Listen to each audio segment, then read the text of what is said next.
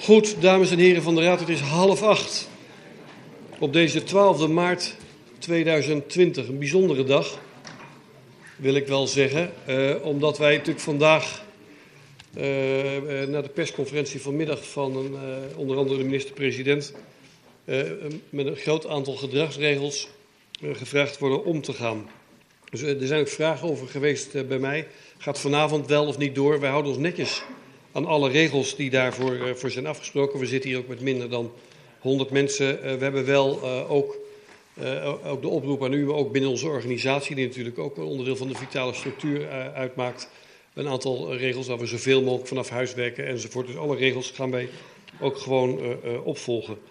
Ehm, dat betekent ook dat, dat in de provincie Utrecht daar waar er ook uh, afstemming moet zijn tussen allerlei zaken. Er vanavond een, op, een, uh, een oproep is gedaan aan de burgemeesters om om negen uur even bij elkaar te komen, zodat wij in de provincie afgestemd beleid kunnen voeren. Dat betekent dat ik mijn overbuurman, de heer Baks, straks vriendelijk aankijk om half negen met het verzoek de, voorzitterschap even over te nemen, omdat ik vind dat ik daar in het kader van de coronacrisis wel bij moet zijn en moet afstemmen wat daar wat er gebeurt en welke lijnen we in praktisch zitten. Het gaat vooral om hele praktische vragen, niet om bijzondere andere dingen. Maar ook praktische zaken moeten natuurlijk goed uh, geregeld worden. U heeft al kunnen zien en lezen dat onder andere het Militair Museum uh, gesloten is.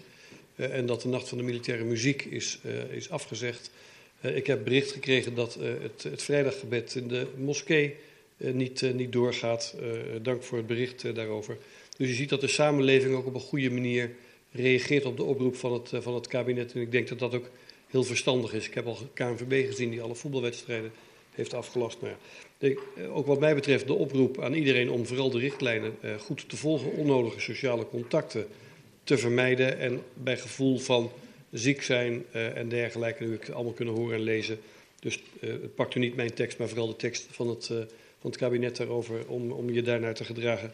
Want op die manier kunnen we met elkaar, en ik kijk speciaal naar u uh, als leden van de Raad, want u heeft daar natuurlijk ook een voorbeeldrol in, uh, in, deze, in deze gemeenschap. Zoals dat ook geldt voor het college van BMW. Dat gezegd hebbende open ik deze vergadering. Uh, ik heb berichten van verhindering van de heer Paul, mevrouw Bonnefrier, de heer Diemers, mevrouw Treffers, mevrouw Roos, de heer Strengelt en de heer Van Zutphen voor deze openierende raadsbijeenkomst. Heeft er nog iemand op of aanmerkingen over de agenda? Of, of naar aanleiding van mijn openingsopmerkingen? Nee, dan ga ik over naar agenda punt 3, omdat zich niemand heeft aangemeld voor agenda punt 2. En dat is de correctie APV 2020 met betrekking tot de geluidsnormen en metingen Cabrio. Zijn daar vragen over aan het college? Ik zie meneer De Wolf. Zijn er nog andere die vragen hebben aan het college? Nee, meneer De Wolf, u heeft het woord. Ja, dank u wel. Ja, we hebben toch nog wel zo wat uh, vragen omtrent de geluidsbelasting. Um, allereerst ja, moeten we het eigenlijk wel wenselijk uh, vinden dat midden in een bos, notabene ook nog onderdeel van een natuurnetwerk, uh, bij tijd en wijle een forse hoeveelheid herrie geproduceerd gaat worden. Uh, ten tweede, ja, uh, er wordt gezegd een categorie 2 evenement, het blijft binnen de norm. Dan volgt het lastige uh, gegogel met de dB's. Zoals u misschien weet, je kunt geluid op diverse manieren meten. En, en bij de ene zwak je het laag wat af bij de meting en bij de andere doe je dat juist niet. En juist het laag is vaak erg penetrant. Uh, dan is er de norm, ja, het is plus 60 dB op de voordeur. Nu meen ik me te herinneren, maar eerlijk gezegd, ik kon het document zo gauw niet vinden dat daar ook weer een afstandsnorm tot de geluidsbron voor staat. Maar dat is dan ook tevens een wat technische vraag die ik nu stel.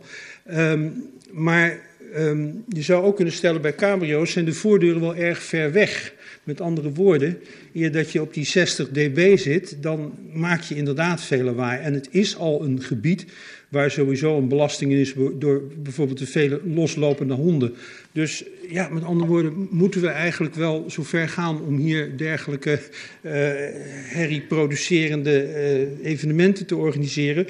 Waarbij ook nog eens een keer mij verbaast dat de artiesten daar min of meer ook bepalend in zijn. Dat is toch ook iets waar ik uh, wat moeite mee heb. Dank u wel.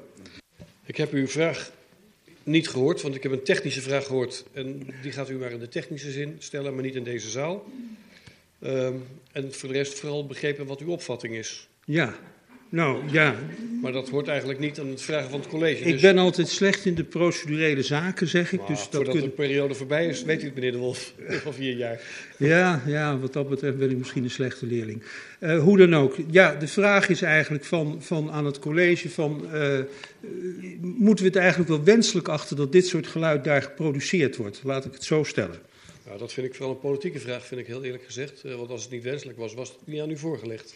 Dus hij is nu van uw raad, dus deze is voor de, voor de debatronde. Hier hoeft wat Ook mij betreft de portefeuillehouder niet op te antwoorden. Tenzij de portefeuillehouder daar zelf over anders over denkt. Eh, nee, die denkt daar net zo over. Oké, dan dan, u schuiven we hem door naar, naar eventueel debat. Zijn er nog, eh, tweede, nog andere vragen aan het college? Nee, dan wil iemand over de wenselijkheid van het produceren van geluid bij Cabrio nog met meneer De Wolf in de slag? Ja. Meneer Van Gorkum, u heeft het woord. Ja, eh, DSN eh, stemt eh, in met het verhaal van meneer De Wolf. Eh, wij krijgen onder andere een aantal klachten over geluidsoverlast van Cabrio. En de, daar vinden we te weinig over terug in de, in de huidige verandering eh, in het stuk. Ehm, binnen het groen eh, ook dat die geluidsnorm nu vaak, eh, in, vaak in het jaar is die geluidsnorm al vrij hoog. En om die hiermee nog verder te verhogen, vragen wij ons af of dat eh, een verstandig idee is. Voorzitter, bij interruptie. Ja, meneer Adriani. Ik heb een, een vraag die zou zowel naar, eh, naar de heer, heer Wolf kunnen als naar, naar DSN. Eh, ja, Cabrio maakt geluid. Dat is een beetje het wezen van een openluchttheater. De vraag is, eh, eh, ziet u een oplossing? Zullen we alleen maar fluistervoorstellingen daar doen? Dan horen we ze zelf ook niet als we komen luisteren. Of zullen we Cabrio verplaatsen naar ergens midden in de stad... eh, waar geluidsoverlast wat minder is? Hebt u hier een oplossing eh, eh, voor, an- anders dan geen ruimte geven om hun ding te doen? Meneer De Wolf. Ja, ik mag de vraag beantwoorden.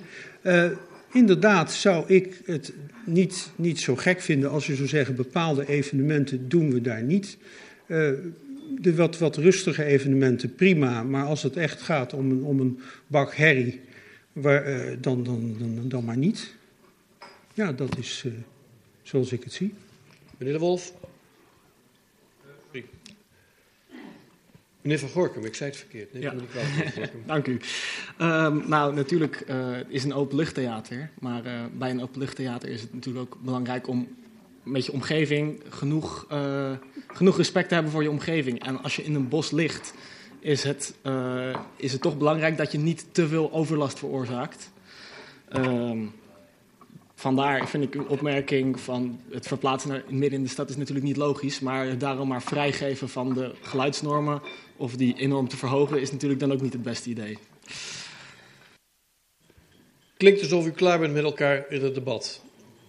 Verder geen op- of aanmerking. Nou, meneer Groothuis. Nou, als ik nog even in debat ga, ik dacht alleen nog maar vragen stellen was. Maar het verbaast mij dat de GGS het en eh, KBO zo negatief benadert. Want er wordt gesproken over een bak herrie. Nou, ik neem aan dat eh, ze geen bak herrie veroorzaken, maar muziek. En dat kan je eh, mooi vinden of niet mooi vinden. Maar het is muziek. En die enkele keer dat overlast veroorzaakt. Ja, in mijn buurt is ook wel eens overlast. Dat is normaal. Laten we blij zijn dat, dat Soest zo'n uniek eh, openluchttheater heeft. Nou, ik ben het met u eens dat het fijn is dat Meneer De. Wolf, meneer De Wolf, meneer De Wolf. Ik weet niet of u uit zichzelf... Oh, sorry. eh, dat gaat altijd via mij, weet u wel. Eh, u zei al dat u een slechte leerling was, maar ik ga u toch echt afkappen. Nee.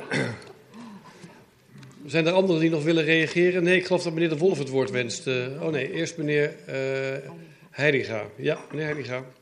Ja, ik sluit me graag aan bij de heer Groothuis. Dat we eigenlijk trots en blij mogen zijn dat we een openluchttheater hebben hier in Soest. Waar heel veel mensen uit Soester, Soesterberg en de wijde omgeving veel plezier eh, aan beleven. En volgens mij is niet zozeer aan de orde het al dan niet hebben van een uh, openluchttheater of uh, de, de, dat daar al dan niet geluid wordt geproduceerd. Het gaat volgens mij om de meetmethodiek die daar aan de orde is. En ja, dat is van een andere orde, naar mijn idee. Meneer De Wolf, u mag straks. Anderen nog? Nee, meneer De Wolf, u mag nu. Fijn, dank u. Um, Ja, uiteraard. Het, staat hier eh, nu, het gaat hier nu om de meetmethodiek. Waarbij ik dan, hoewel niet sterk het procedurele, me afvraag als het zo'n technisch onderwerp is, waarom we dat dan hier bespreken. Maar um, ik wil toch ook nog graag even op de heer Groothuis ingaan. Uh, ach, misschien is die, is die, bewoording bakherrie, is dat een beetje mijn uh, aversie jegens uh, geluidsoverlast waar dat uit voortkomt. Uh, laten we inderdaad blij zijn met Cabrio, het is een, een, prachtig theater. Maar nogmaals, waarom zouden daar evenementen juist daar moeten plaatsvinden die een grote overlast betekenen voor het aldaar, levende, de aldaar levende natuur en mensen? Dat is mijn bezwaar tegen cabrio, niet de aanwezigheid van cabrio op zich. Goed. Voorzitter, bij interruptie. Meneer Boks. Daar zijn we het allemaal over eens. Dat uh, cabrio ligt daar, blijft daar liggen en is hartstikke belangrijk voor Soest.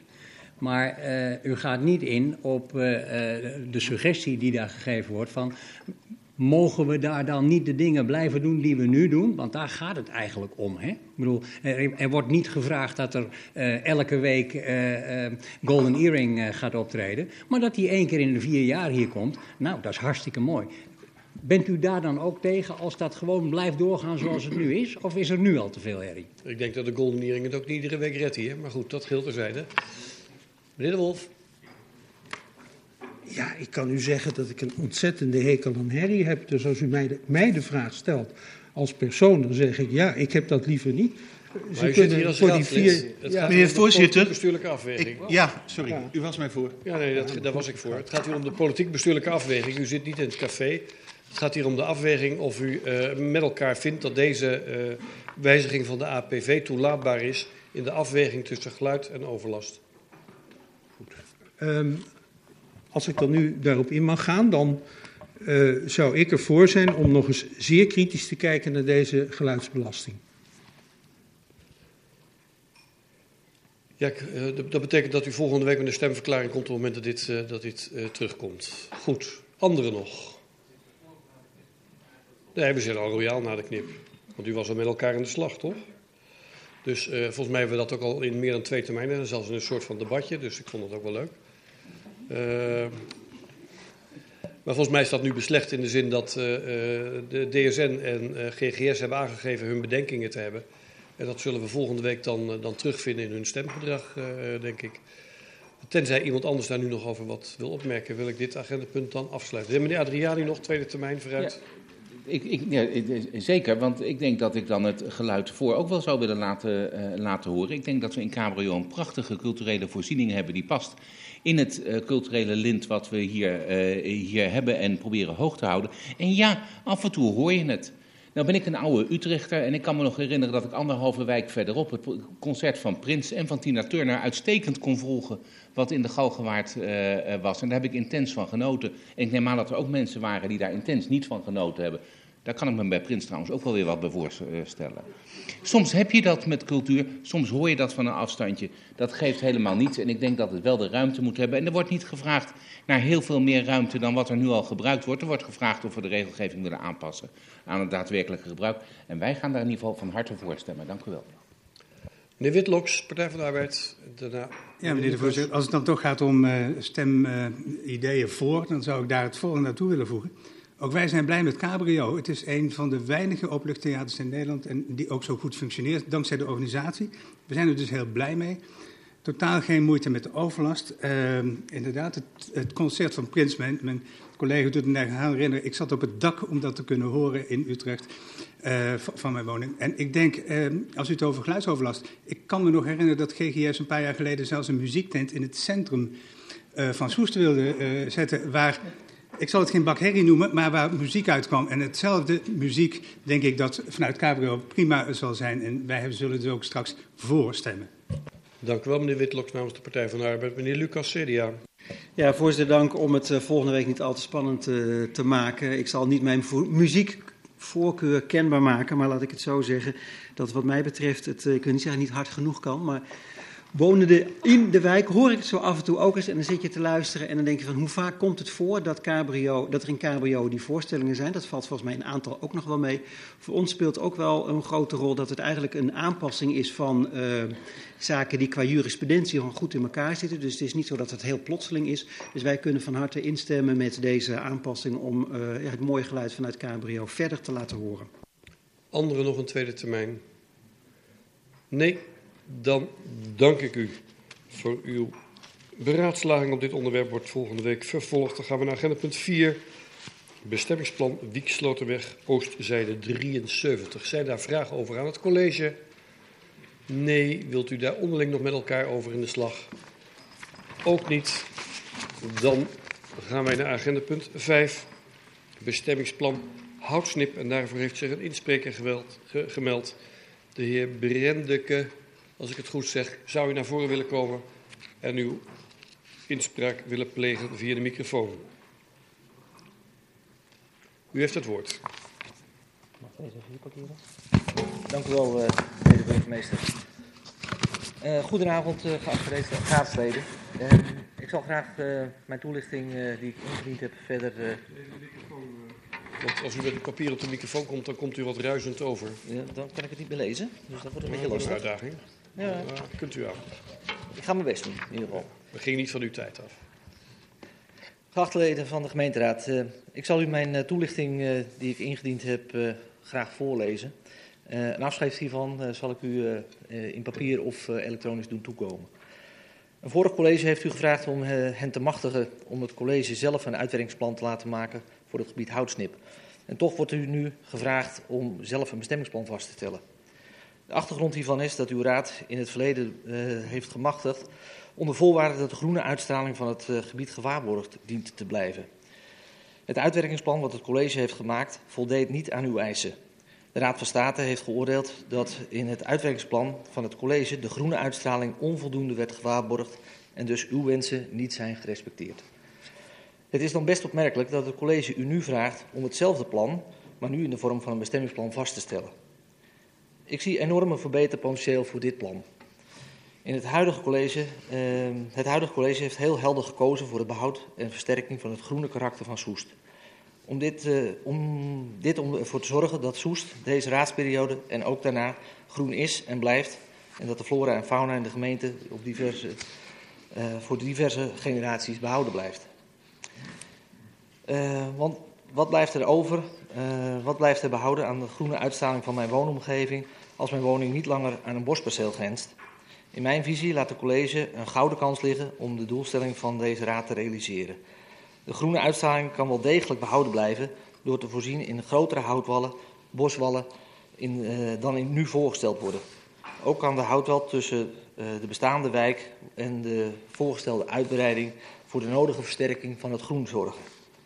Dit plan waarborgt, uh, dit plan waarborgt de vereiste groene uitstraling dus niet en doet de groene zichtlijnen van de Koningsweg en de houtsnip ernstig veranderen.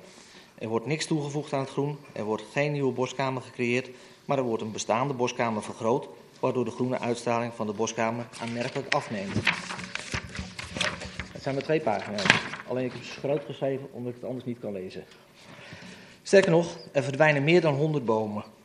Um, en het struweel verdwijnt ook.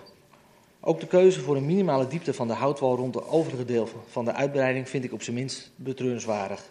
De argumentatie van het college dat, dit bouw, uh, dat, dat, de bouwpercelen dan te klein worden, uh, lijkt me niet heel erg reëel.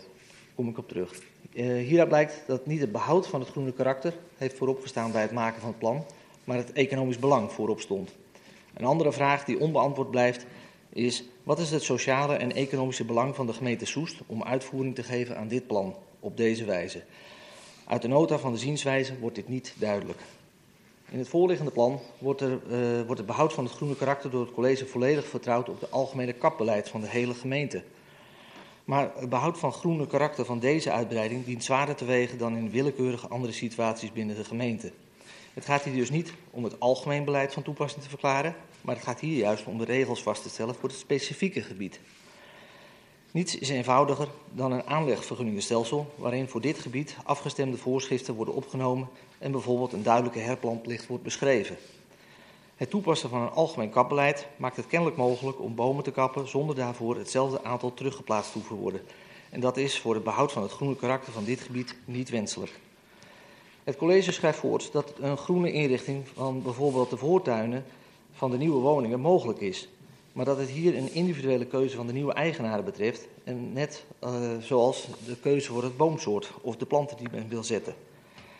Hier laat de gemeente dus het behoud van het groene karakter varen. Terwijl zij erkent dat het behoud wel degelijk mogelijk is.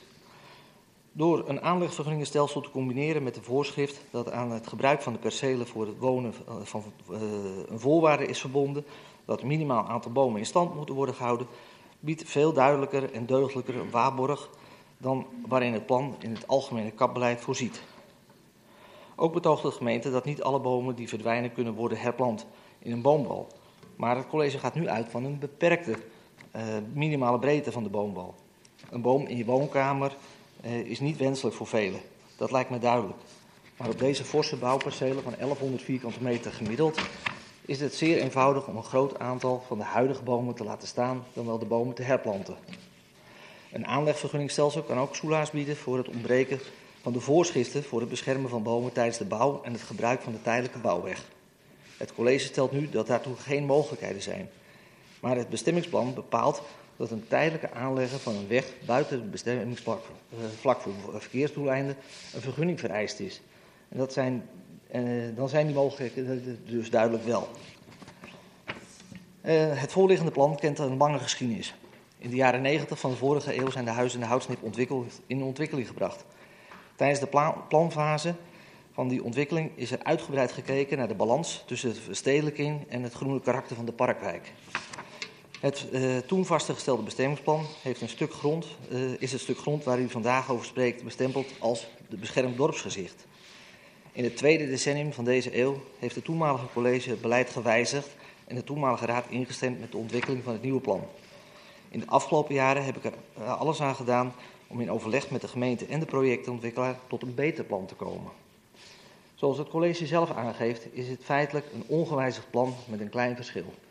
Er wordt een trucje toegepast om te proberen de uitspraak van de Raad van State te omzeilen. Feit blijft dat de kaalslag gaat plaatsvinden. Meer dan 60% van de huidige bomen zullen verdwijnen als dit plan wordt uitgevoerd. Dat zijn dus meer dan 100 bomen. Feit blijft dat de nota van zienswijze door het college onjuiste informatie wordt verstrekt en door wollige beantwoording een vertroebeld beeld wordt geschetst. De nota van zienswijze geeft het college toe dat zij op een aantal punten zich gebaseerd heeft op verouderde informatie. En dat terwijl de nieuwe gegevens ten tijde van het maken van het plan beschikbaar waren. De kern van mijn zienswaarden zijn gebaseerd op de volgende kernwaarden. En dat is het laatste stukje, voorzitter. De burger moet kunnen vertrouwen op een eerlijk en transparante overheid. De burger mag van het college verwachten dat zij de regels correct en rechtvaardig toepassen. Het college en de ondersteunende diensten moeten vakkundigheid, nauwkeurigheid en professionaliteit uitstralen. Het college voldeed en voldoet, naar mijn stelling, uh, huidige overtuiging, niet aan deze kernwaarden met dit plan. Zij uh, zie hier mijn reden om vandaag hier voor u te staan. Tot slot vind ik het onverkwikkelijk dat, in de, dat het college in de 14 maanden tijd niet uit eigen beweging uitvoering gegeven heeft aan het door de bestuursrechten opgelegde sanctie. Ik heb zelfs na het verzenden van het aangetekend schrijven niets van het college mogen vernemen. Pas nadat ik mijn zienswijze op het voorliggende plan heb kenbaar gemaakt, is er uitvoering gegeven aan de opgelegde sanctie. Een formeel excuus heb ik dan ook nog steeds niet mogen ontvangen. Samengevat, ik verzoek de Raad te kiezen voor het behoud van het groene karakter van Soest voor de huidige en toekomstige generaties en verzoek de Raad daarom het voorliggende plan niet te accorderen.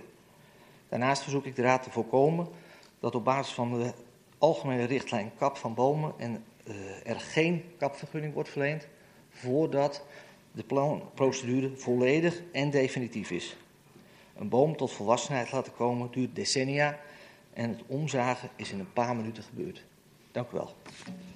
Dank u wel, meneer Brendeke. Een opgerekte vijf minuten. Acht Dank u nog. voor de tijd. Ja. Um, uh, meneer De Wolf, wilt u uw microfoon uitzetten? Um, zijn er nog vragen aan meneer Brendeke vanuit de Raad? Oh, dat is deze, sorry. Neem me niet kwalijk. Ik dacht dat de inspraakmicrofoon daar stond. Maar kennelijk hebben we er hier eentje te veel. Nou, maakt het niet uit. Heeft iemand vragen? Ja.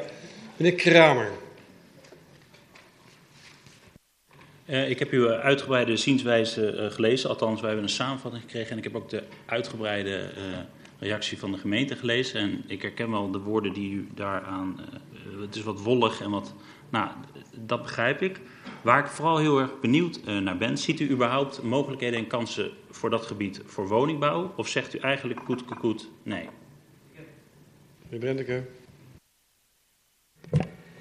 Zoals ik al eerder heb aangegeven, um, ben ik nooit tegen het bouwen geweest. Ik ben wel tegen het uh, ongebreideld kappen van woningen. En ik ben teleurgesteld in uh, de gemeente dat zij zich niet opengesteld hebben om dit uh, ja, op een betere manier in te richten. Dus ik herhaal hier nogmaals, en volgens mij doe ik dat al de laatste twintig jaar. Ik ben niet tegen het bouwen op zich, per se, wel de manier waarop. De vraag was volgens mij of u tegen bouw op dit perceel bent. Daar geeft u ik ben geen op dit op. perceel, laat ik het dan heel helder stellen, um, heb ik ook in de Raad van State sessie gedaan. Ik ben niet per se tegen bouwen op dit perceel van de vijf voorgenomen woningen of maximaal zes uh, wooneenheden. Dat is een heel duidelijk antwoord dat ik dat meneer Kramer daar vooral om vroeg. Zijn er nog andere vragen? Nee, dan wil ik u danken voor uw uh, inbreng. Graag gedaan. En dan ga ik kijken wie in de raad de vragen aan het college heeft voor de knip, voor de insider. Meneer Pauw. Meneer Pauw. En ik had ook al gezien meneer Van Gorkum. Wie nog meer? Meneer Pauw namens GGS, u heeft het woord. Dank u wel. Uh, ik zou graag van het college willen weten. Uh, uit de stukken vernemen wij dat er 73 bomen op het perceel blijft bestaan. En er eigenlijk een, zeg maar een kapvergunning nodig is om dat verder uit te werken. Maar waarom wordt er hier niet gekozen, zoals misschien een, een oplossing wel eens door de Raad van State is naar ons toegekomen van bescherm je bomen beter, doordat gewoon in het bestemmingsplan die bomen die blijven bestaan ook daadwerkelijk gaat, gaat vasthouden. Zodat je in ieder geval tegemoet komt aan de inspreker. Dank u wel, meneer Pauw. Meneer Van Gorkum, DSN. Dank u wel. Um, wij hebben gekeken naar het verschil tussen het, het plan uh, wat door de Raad van State is afgekeurd en het nieuwe plan. En wij konden niet zulke hele grote essentiële verschillen vinden. Wat zijn de essentiële verschillen tussen dat plan en dit plan, dat u het plan nu weer hier in de Raad neerlegt? Op de grens van de techniek, denk ik dan. Zijn er nog meer vragen voor de knip? Niet? Dan kijk ik naar het college en wel in het bijzonder naar wethouder Dijkhuizen. U heeft het woord. Ja, voorzitter, dank u wel. Um, ja, meneer Pauw, u vraagt uh, um, waarom kiest de gemeente er nou niet voor, even kort samengevat, om die bomen beter te beschermen. Nou, er is natuurlijk een, um, een beleid, uitgangsbeleid. Dat is uh, in het plan rondom de Bosstraat, Klaarwater en Overhees, volgens mij uit mijn hoofd. Daar worden procedures afgesproken hoe je omgaat met bomen en hoe je omgaat met, met percelen als waar de inspreker over spreekt. En binnen die grenzen uh, wordt uh, zo goed en zo mogelijk uh, gewerkt om bomen te behouden. Dat heeft u ook in de, in de kunnen lezen. Um, en, en daarin proberen we maximaal te beschermen. Maar als je, en dat zult u begrijpen, als je een aantal bouwvlakken gaat aanleggen, ja, dan gaat dat ten koste van een aantal bomen. Um, en, en, u heeft ook kunnen lezen hoeveel bomen er beschermd worden. Daar wordt het maximale aan gedaan binnen de grenzen van wat, wat, mogelijk is op dit moment. Uh, maar nogmaals, je, je, kunt er niet aan ontkomen dat er een aantal bomen zullen sneuvelen, omdat je daar simpelweg bouwpercelen gaat aanleggen. Dan ehm, meneer Van Gorkum.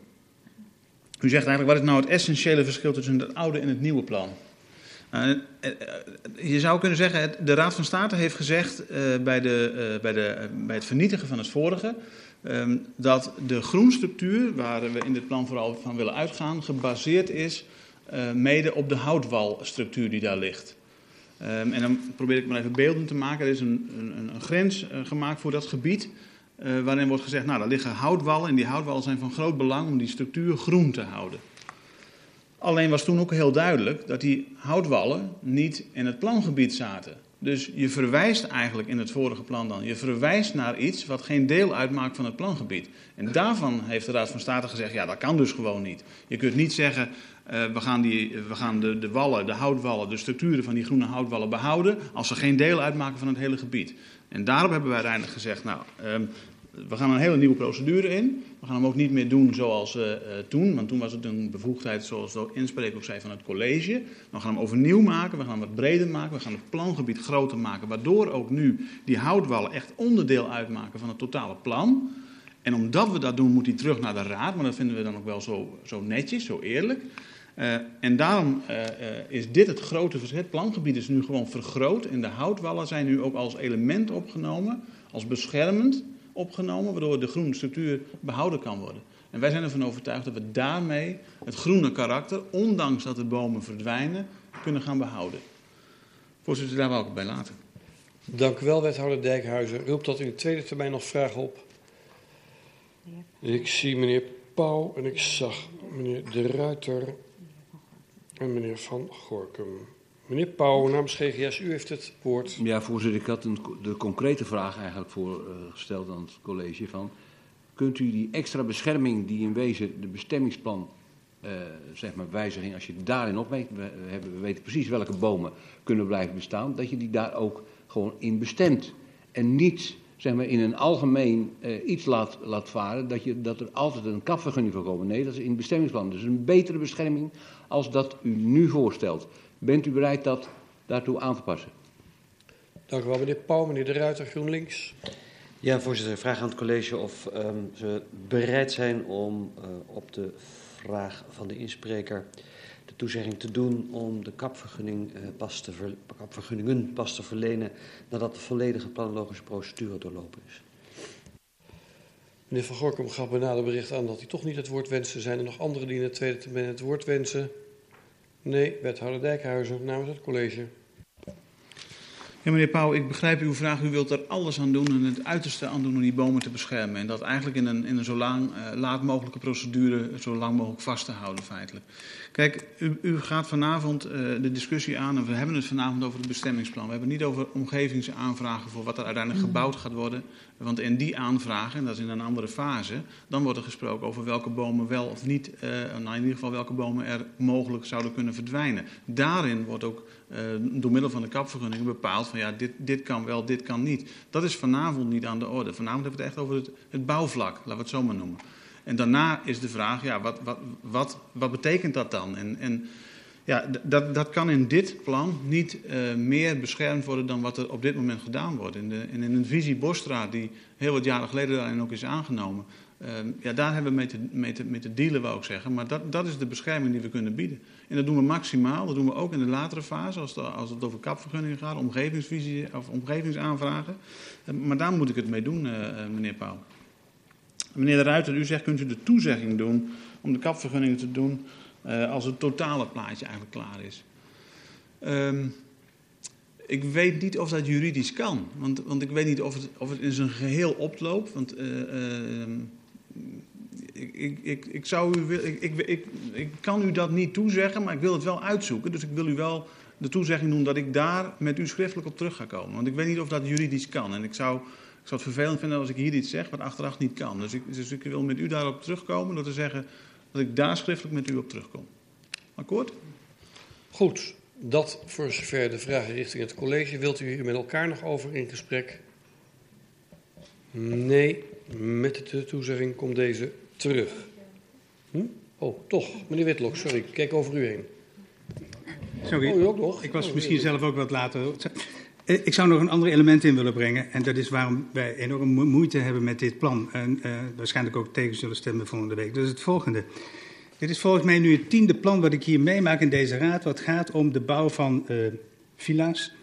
Een plukje van vijf. Waarbij er niet van tevoren goed is nagedacht over wat we met Soest willen. We hebben straks het masterplan wonen.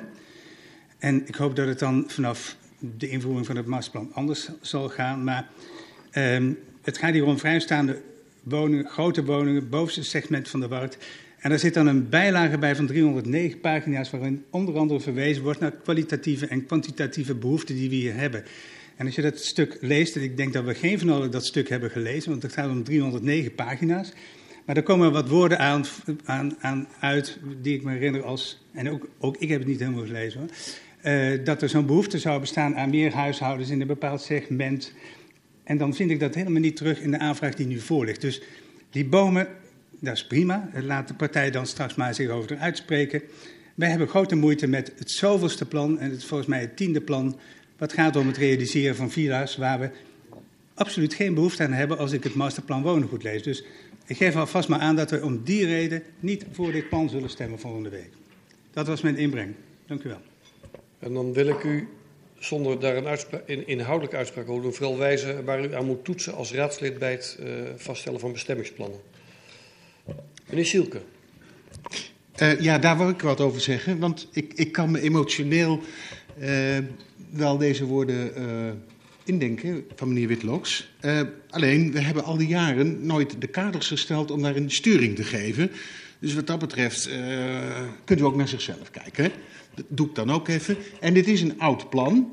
En dan vind ik het dus ook niet fair om te zeggen: we hebben een oud plan.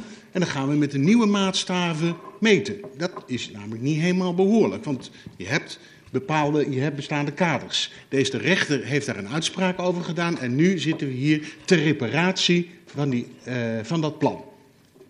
Ik denk dat de heer Zieke helemaal gelijk heeft als je het formeel bekijkt.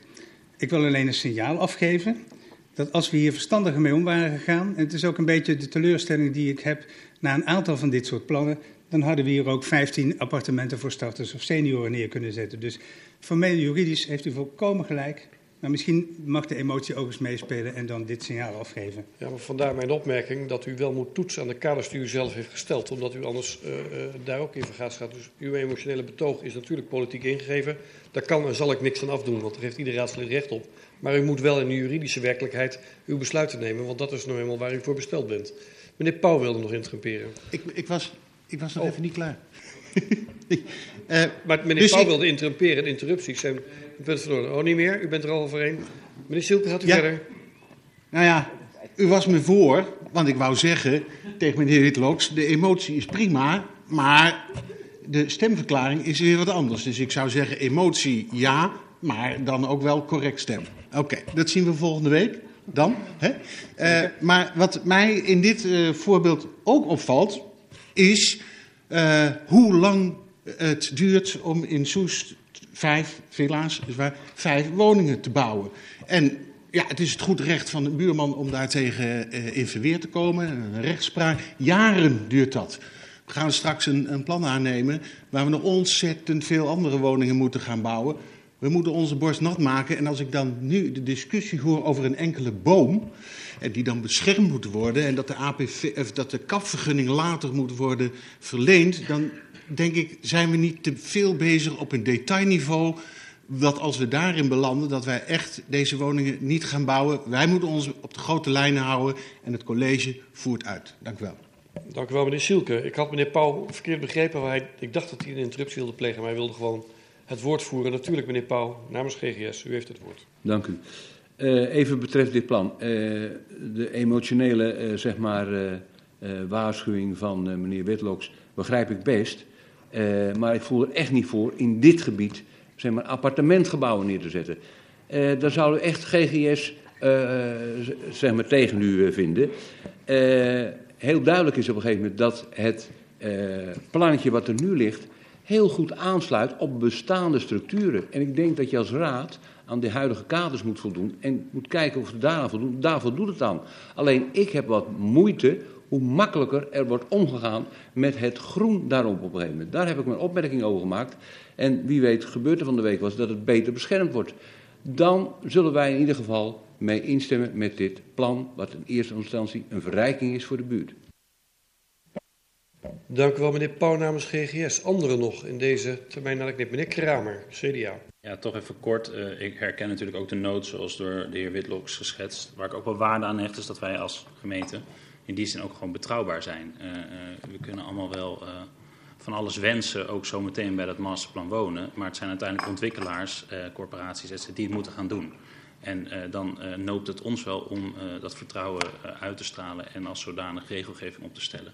Dus wij zullen volgende week instemmen met het voorliggende bestemmingsplan. Dank u wel, meneer Kramer namens CDA. Anderen nog? Nee. Dan zien wij volgende week dit agendapunt weer terug. Dan ga ik over naar agendapunt 6, bestemmingsplan Amersfoortse straat 124. En ik weet dat we ook daar een inspreker voor hebben. En dat is meneer Boswinkel. Ik zou meneer Boswinkel willen vragen om naar de microfoon te komen. En voor u geldt dezelfde procedure als net bij de andere inspreker. Meneer Boswinkel, u heeft het woord. Dank u wel, voorzitter. Geachte raadsleden. Uh, laat ik beginnen met uh, het goede. Wij zijn positief over de transformatie van de kantoorpanden uh, tot appartementen. Ook zijn we positief over de wijze waarop de gemeente en ook de ontwikkelaar, in deze, de heer Serge die daar zit, die de, de, eigenaar vertegenwoordigt, de omwonenden bij het proces heeft betrokken. geachte raad, waar wij onze aandacht voor vragen is een viertal punten.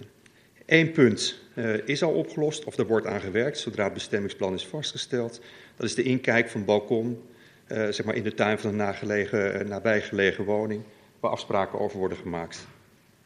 Dat is een stap die wordt gezet, maar dan resteren er toch nog drie punten die tot één onderwerp zijn te herleiden.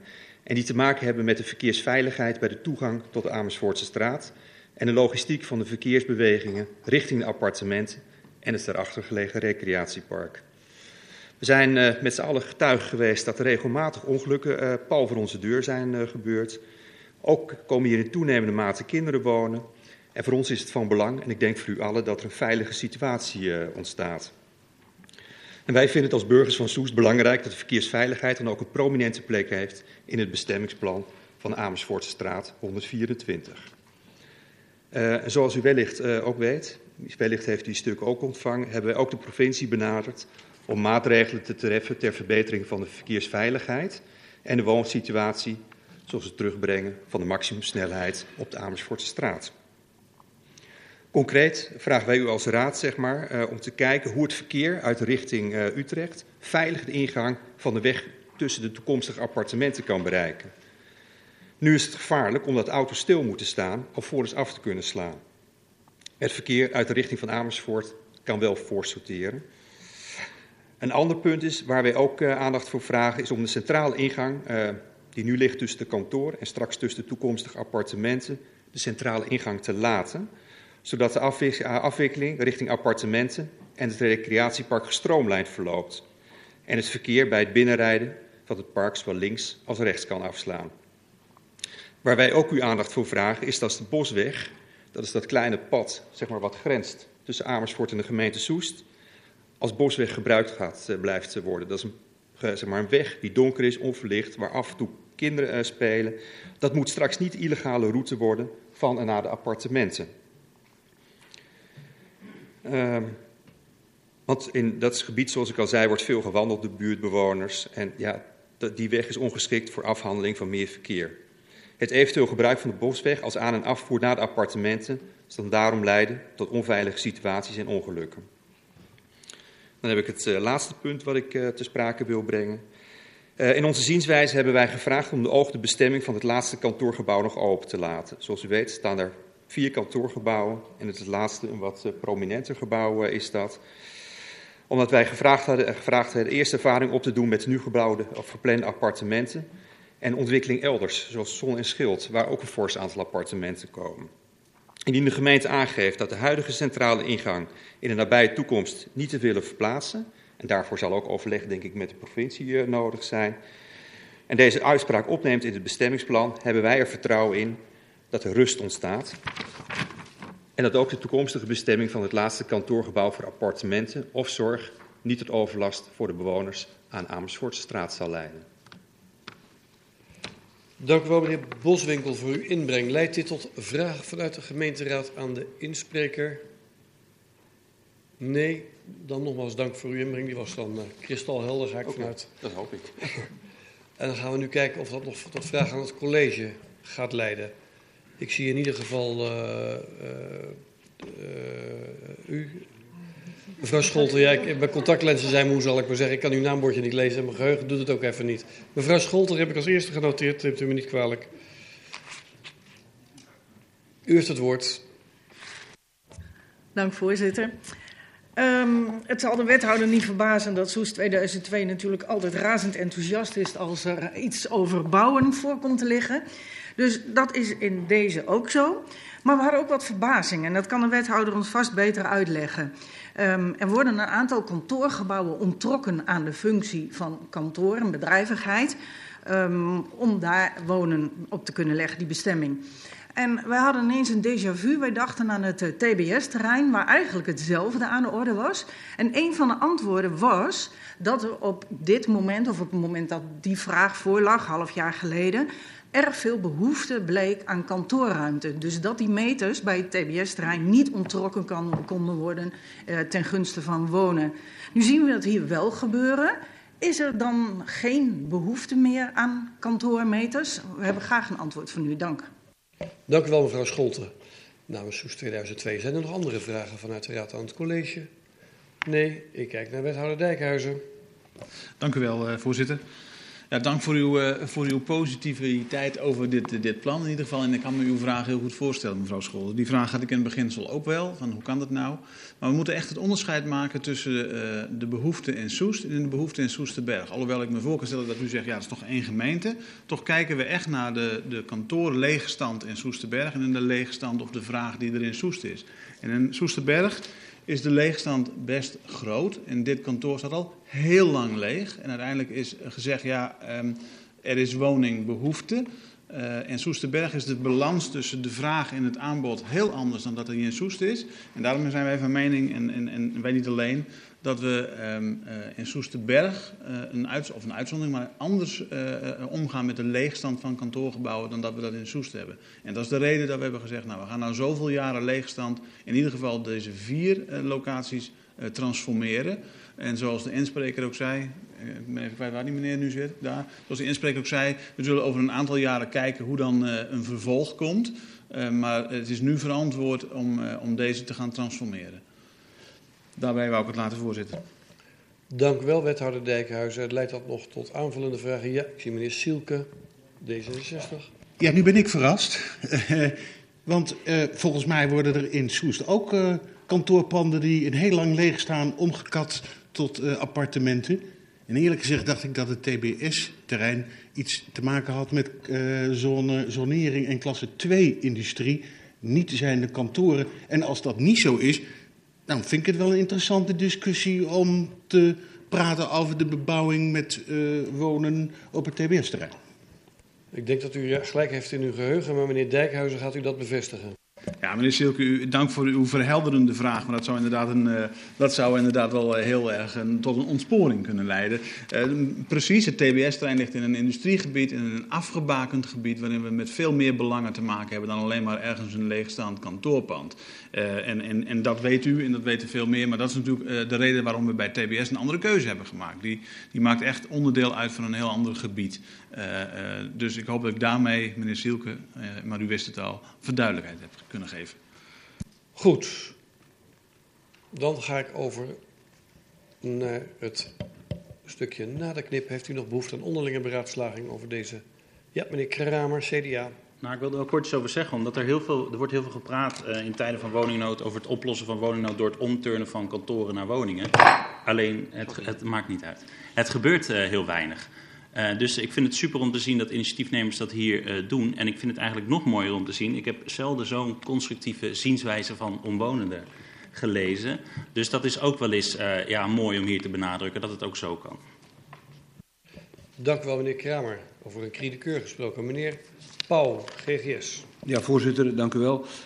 ik denk dat dit echt een goed voorbeeld is hoe je zeg maar, uh, van leegstaande panden uh, kan opkatten naar uh, zeg maar, kantoorvilla's, naar woonvilla's in een appartementgebouw voor meneer Witloks.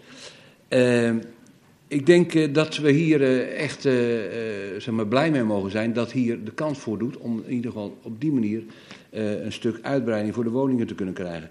En dat het op een gegeven moment uiteindelijk, zoals de inspreker al heeft, verkeersoverlast gaat geven of meer verkeersdruk, dat is natuurlijk evident. Maar dan moeten we wel in de gaten houden. Want dan krijgen, die problematiek krijgen we straks op andere punten natuurlijk ook. En je weet nog nooit wat in de toekomst gebeurt, dat het verkeer zich eh, zeg maar anders gaat gedragen. Eh, dus wij zijn heel positief over dit plan. Dank u wel, meneer Pauw. Zijn er nog anderen in de onderlinge beraadslagingen? Niet. Dan zou ik alvast meneer Baks willen vragen om voorzichtig deze kant op te komen. Want het zou zomaar kunnen zijn dat halverwege het volgende agendapunt het voorzitterschap gaat wisselen. Dan kan dat zonder pauze gebeuren, want u bent nog niet eens een uur met elkaar bezig. Dan ga ik vast over naar agendapunt 7, het landschaps- en natuurontwikkelingsplan. Waarvan ik mij zomaar kan voorstellen dat mensen het woord wensen te voeren. En dat ga ik nu inventariseren. Wie? Mevrouw Flinterman. Meneer De Wolf. Anderen nog? Meneer Boks. Meneer Groothuis. Meneer Redeker. Nou hoop ik dat straks. Meneer Baks het kan lezen, meneer De Ruiter. Zijn er nog meer die het woord wensen? Nee, kom, kom gerust verder. Uh, mevrouw Flinterman, namens D66, u heeft het woord. Met vraag aan het college, voor de knip. Uh, dank u wel, uh, voorzitter. Ja, ik heb een, uh, een drietal vragen aan, aan het college. Ze zijn een beetje lang, dus ik hoop dat ik even tijd krijg. Ehm, eerste vraag is een, een, een hele korte. In, in, het plan zien we een aantal grote ambities ten aanzien van de inzet van een aantal FTE's. Um, ik lees een gemeentelijke landschapscoördinator, een aanspreekpunt voor inwoners van Soesterberg over het landschap, een beleidsmedewerker natuur en landschap en meer inzet van handhaving en toezicht op een reeks van uh, projecten en locaties. En het is mij niet duidelijk, uh, en misschien kan de, uh, de, wethouder dat toelichten, wat nou de meerwaarde is van een landschapscoördinator als er ook al een aanspreekpunt en een beleidsmedewerker is. dus waar is de landschapscoördinator voor nodig? Um, andere vraag is uh, hoe het met de financiering van dit plan uh, zit. Want er wordt uitgelegd in het plan dat het, uh, de projecten worden uitgevoerd overeenkomstig het LOP, het LOP Eemland, met een budget van 120.000 euro per jaar. Um, in, in relatie tot mijn vorige vraag kan de wethouder wat meer inzicht geven over dit budget en hoe de FTE's daaruit betaald worden. En dan ook specifiek misschien over de financiering van de upgrade van het MTB-pad. Uh, want dat gaat geld kosten, neem ik aan. En hoe wordt dat betaald en uh, hoe wordt het onderhoud daarvan uh, gefinancierd? Um, verder een vraag over de openheid van de polder. in het plan is de openheid van het polder een hele belangrijke factor. Dat is een kwaliteit, zo, zoals ik die lees, die we bewaken en bewaren. Dan heb ik twee punten in het plan die ik niet helemaal met elkaar kan rijmen. Um, er staat bijvoorbeeld op pagina 45 dat het overgangslandschap van de Birkt vraagt om herstel van de situatie rondom 1900, waarbij herstel van de kavelgrensbeplantingen en bosjes een belangrijk item is. Nou, begrijp ik niet helemaal goed waarom het landschap om dat herstel vraagt, maar ik begrijp ook niet goed waarom de openheid van de polder op dat punt blijkbaar niet zo'n uh, uh, noodzaak is. Uh, want deze, dit stuk is daar eigenlijk mee in tegenspraak. En waarom dan de herstel van de situatie rondom 1900 en niet bijvoorbeeld 1700 en 1500? En betekent dat rondom 1900 dan ook dat het landschap misschien niet terug moet naar uh, uh, de situatie van voor de ruilverkaveling, als je dan consequent zou zijn? Daarnaast lees ik, in relatie tot wat ik net zei, het, uh, er zit een, een discrepantie tussen openheid en beplanting. het spoor Baarn-Amersfoort. Um, het spoor werd gezien in het plan als een gast in het open landschap van Eemland. Het zou eigenlijk een lage grasdijk door de open ruimte moeten voeren. Dat betekent onder meer het verwijderen van de beplanting langs het spoor tussen Baarn en Amersfoort. En ik zou heel graag uh, aan de wethouder uh, willen vragen om dit toe te lichten, want hoe moeten we dit lezen? Gaan er nu tientallen bomen en struiken verdwijnen langs het spoor omdat er op dit, op, door het college op deze plek wel gekozen wordt van de, door, voor openheid van de polder? En is dat dat juist niet funest voor door de wethouder zo gekoesterde biodiversiteit langs het spoor? Um, want met het kappen van de bomen en het weghalen van struiken verdwijnen immers veel schuil- en broedplaatsen. Ehm, dus ik zou heel graag uh, daar een, uh, een, verklaring of toelichting uh, op willen. Dat was het, voorzitter. Dank u wel, mevrouw Flinteman. U sprak namens de fractie van D66. Meneer De Wolf namens GGS. Ja, dank u wel. Um, in het plan wordt uh, uh, het loffelijk streven geuit om het gebied tussen de Wiekslotenweg en de Koningsweg um, te, te, bewaren.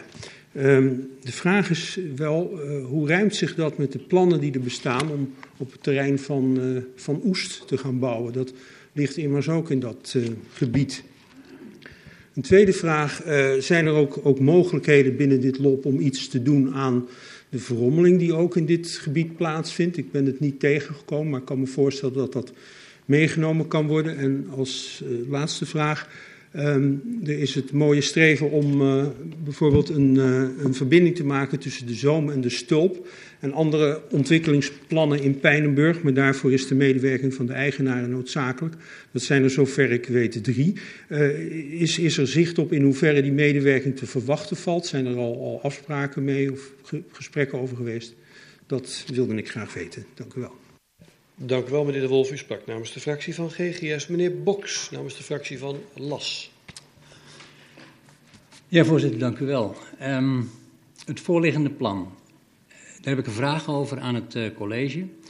Um, in de vorige raadsperiode hebben wij een aantal uh, plannen en visies uh, hebben wij steeds aangenomen. Met daarbij de opmerking, de term, dit is een bouwsteen voor de omgevingsvisie. Het LOP was er daar één van. Dat hebben we heel nadrukkelijk met elkaar afgesproken. Eh, kunt u mij aangeven waarom dan nu het LOP besloten wordt, terwijl we met die omgevingsvisie nog niet klaar zijn? Dus eh, hoe kan het zijn dat uh, dit plan niet als bouwsteen, maar gewoon als plan, uitvoeringsplan zit er ook al bij, wordt aangenomen? Want in die omgevingsvisie uh, gaan wij ook wat zeggen over diezelfde gebieden. En uh, ik heb in het hele plan de term groene contour ben ik niet tegengekomen. En die groene contour is toch echt wel iets wat we als opdracht hebben meegekregen om daar iets mee te doen. Met andere woorden, ook een intensieve samenwerking met landbouw, met boeren in dat gebied. Ik zie die hier nog niet zo komen. Een intensieve samenwerking met uh, de horeca uh, in het buitengebied. Ik zie alleen maar wat fietspaden die er door moeten. Dus vandaar mijn vraag. Hoe zit dat in de volgordelijkheid van zaken op basis van de afspraken die wij daarover hebben gemaakt? Dank u wel. Dank u wel, meneer Boks. U sprak namens de fractie van LAS. Meneer Groothuis, Soest 2002. Ja, dank u. Het LOP geeft een uitvoerige opzomming van alle natuurwaarden die de gemeente Soest zo mooi maken en hoe we die kunnen versterken. Ik heb hierover een drietal vragen. In het uitvoeringsprogramma wordt een groot aantal projecten genoemd. Uh, te veel om op te noemen bijna. Heeft u daar ook een bepaalde volgorde in wie, wie die nou eerst oppakt? En zijn er ook prioriteiten daarin? En wilt u niet al die projecten oppakken voor 2024 of loopt dat automatisch door naar het volgende lop? En ja, er wordt ook in dit plan ook gesproken over de polder, maar nooit wordt er nog eens benoemd wat verstaan we nou onder de polder. Waar begint die en waar eindigt die? Dank u. Dank u wel, meneer Groothuis. U sprak namens de fractie van Soest 2002. Meneer Redeker, Partij van de Arbeid. Ja, voorzitter, dank u wel. Uh, mijn vraag sluit eigenlijk aan bij de vraag van de heer Boks.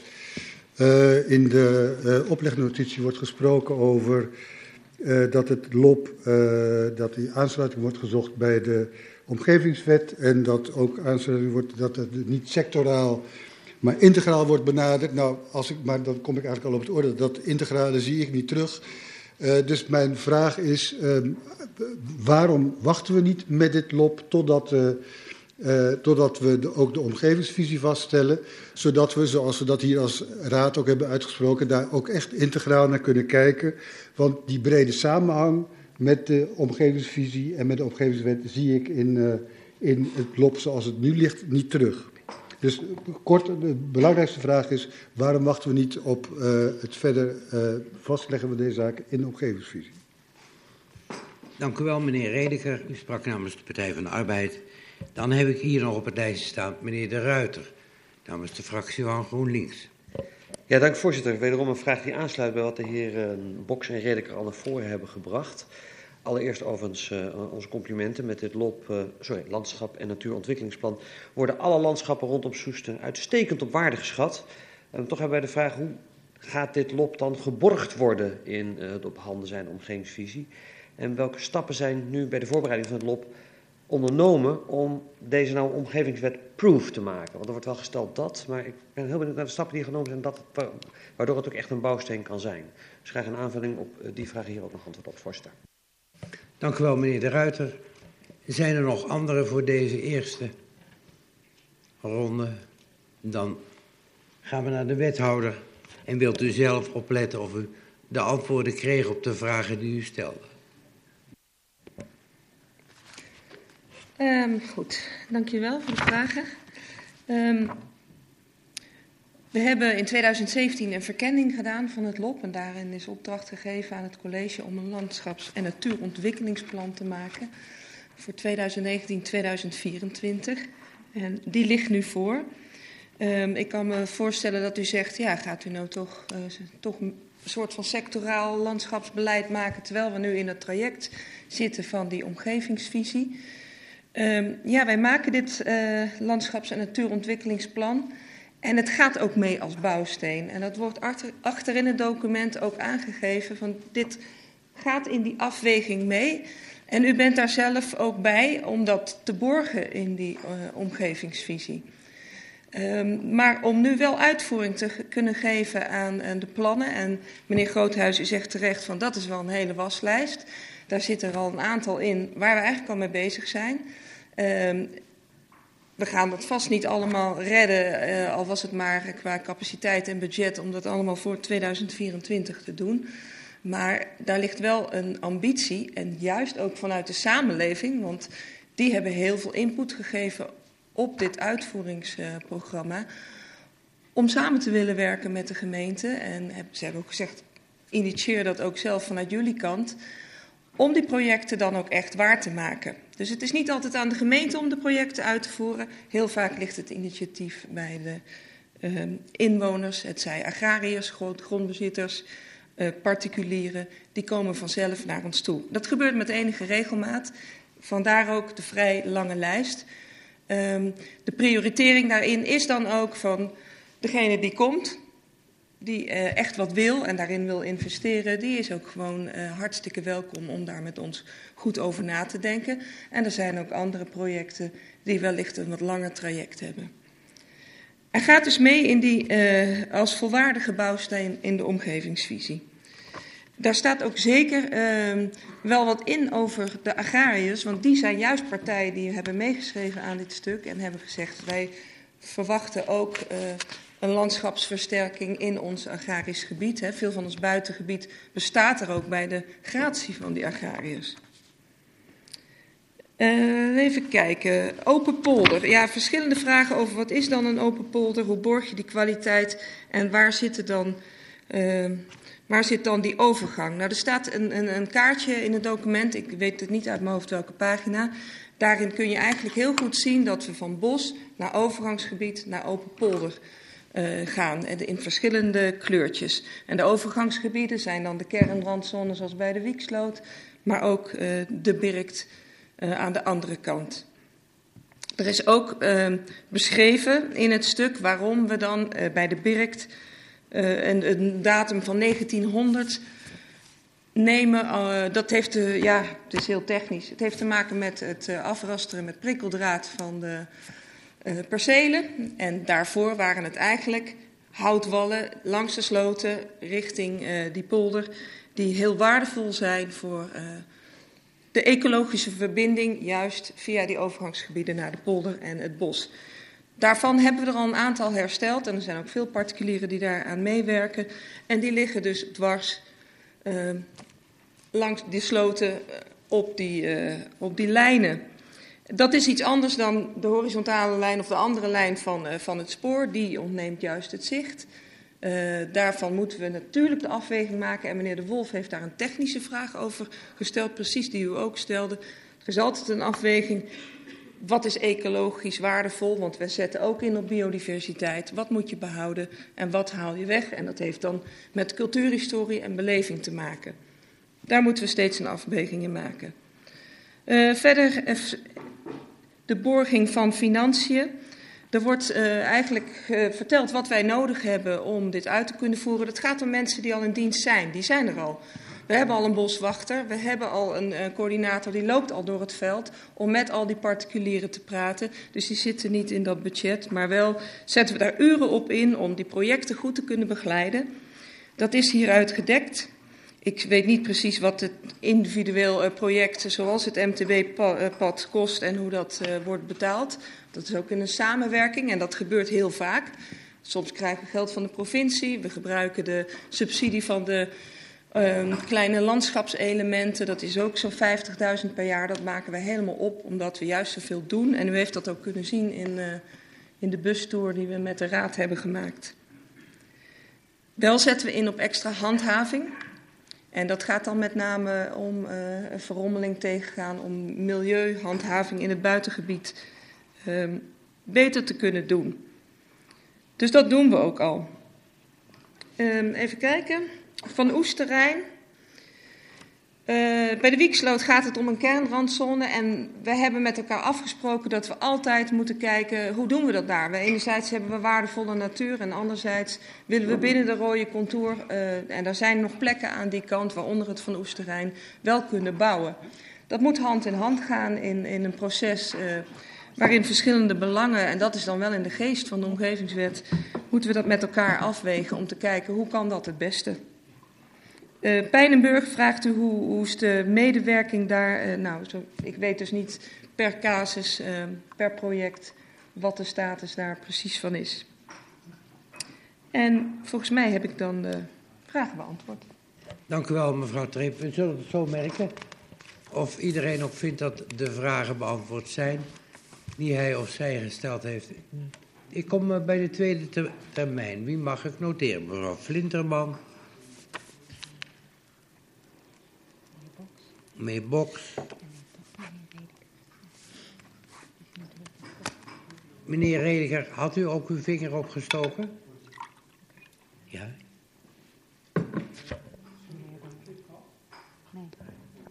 Meneer De Wolf? Nee. Akkoord. Beginnen we bij mevrouw Flinterman, namens de fractie van D66. Uh, dank u wel, voorzitter. Uh, ja, ik had uh, nog een tweetal vragen ter verduidelijking van mijn eerste twee vragen.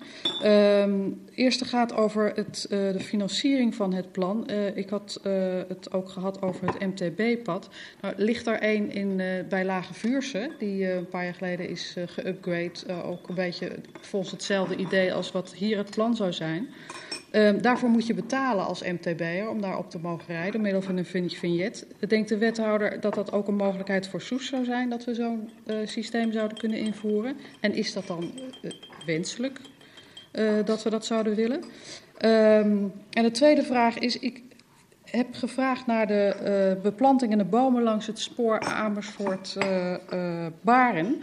En ik hoor toch dat het een optie zou zijn dat de bomen langs het spoor zouden kunnen gaan verdwijnen als dat plan uitgevoerd wordt. En ik wil dat even heel duidelijk uh, toegelicht hebben of dat inderdaad een optie is. Dat was het, mevrouw Flinteman. Dank u wel. Dan meneer Boks, namens de fractie van LAS. Ja, voorzitter. Uh, uh, dank aan de wethouder voor de beantwoording van de vragen.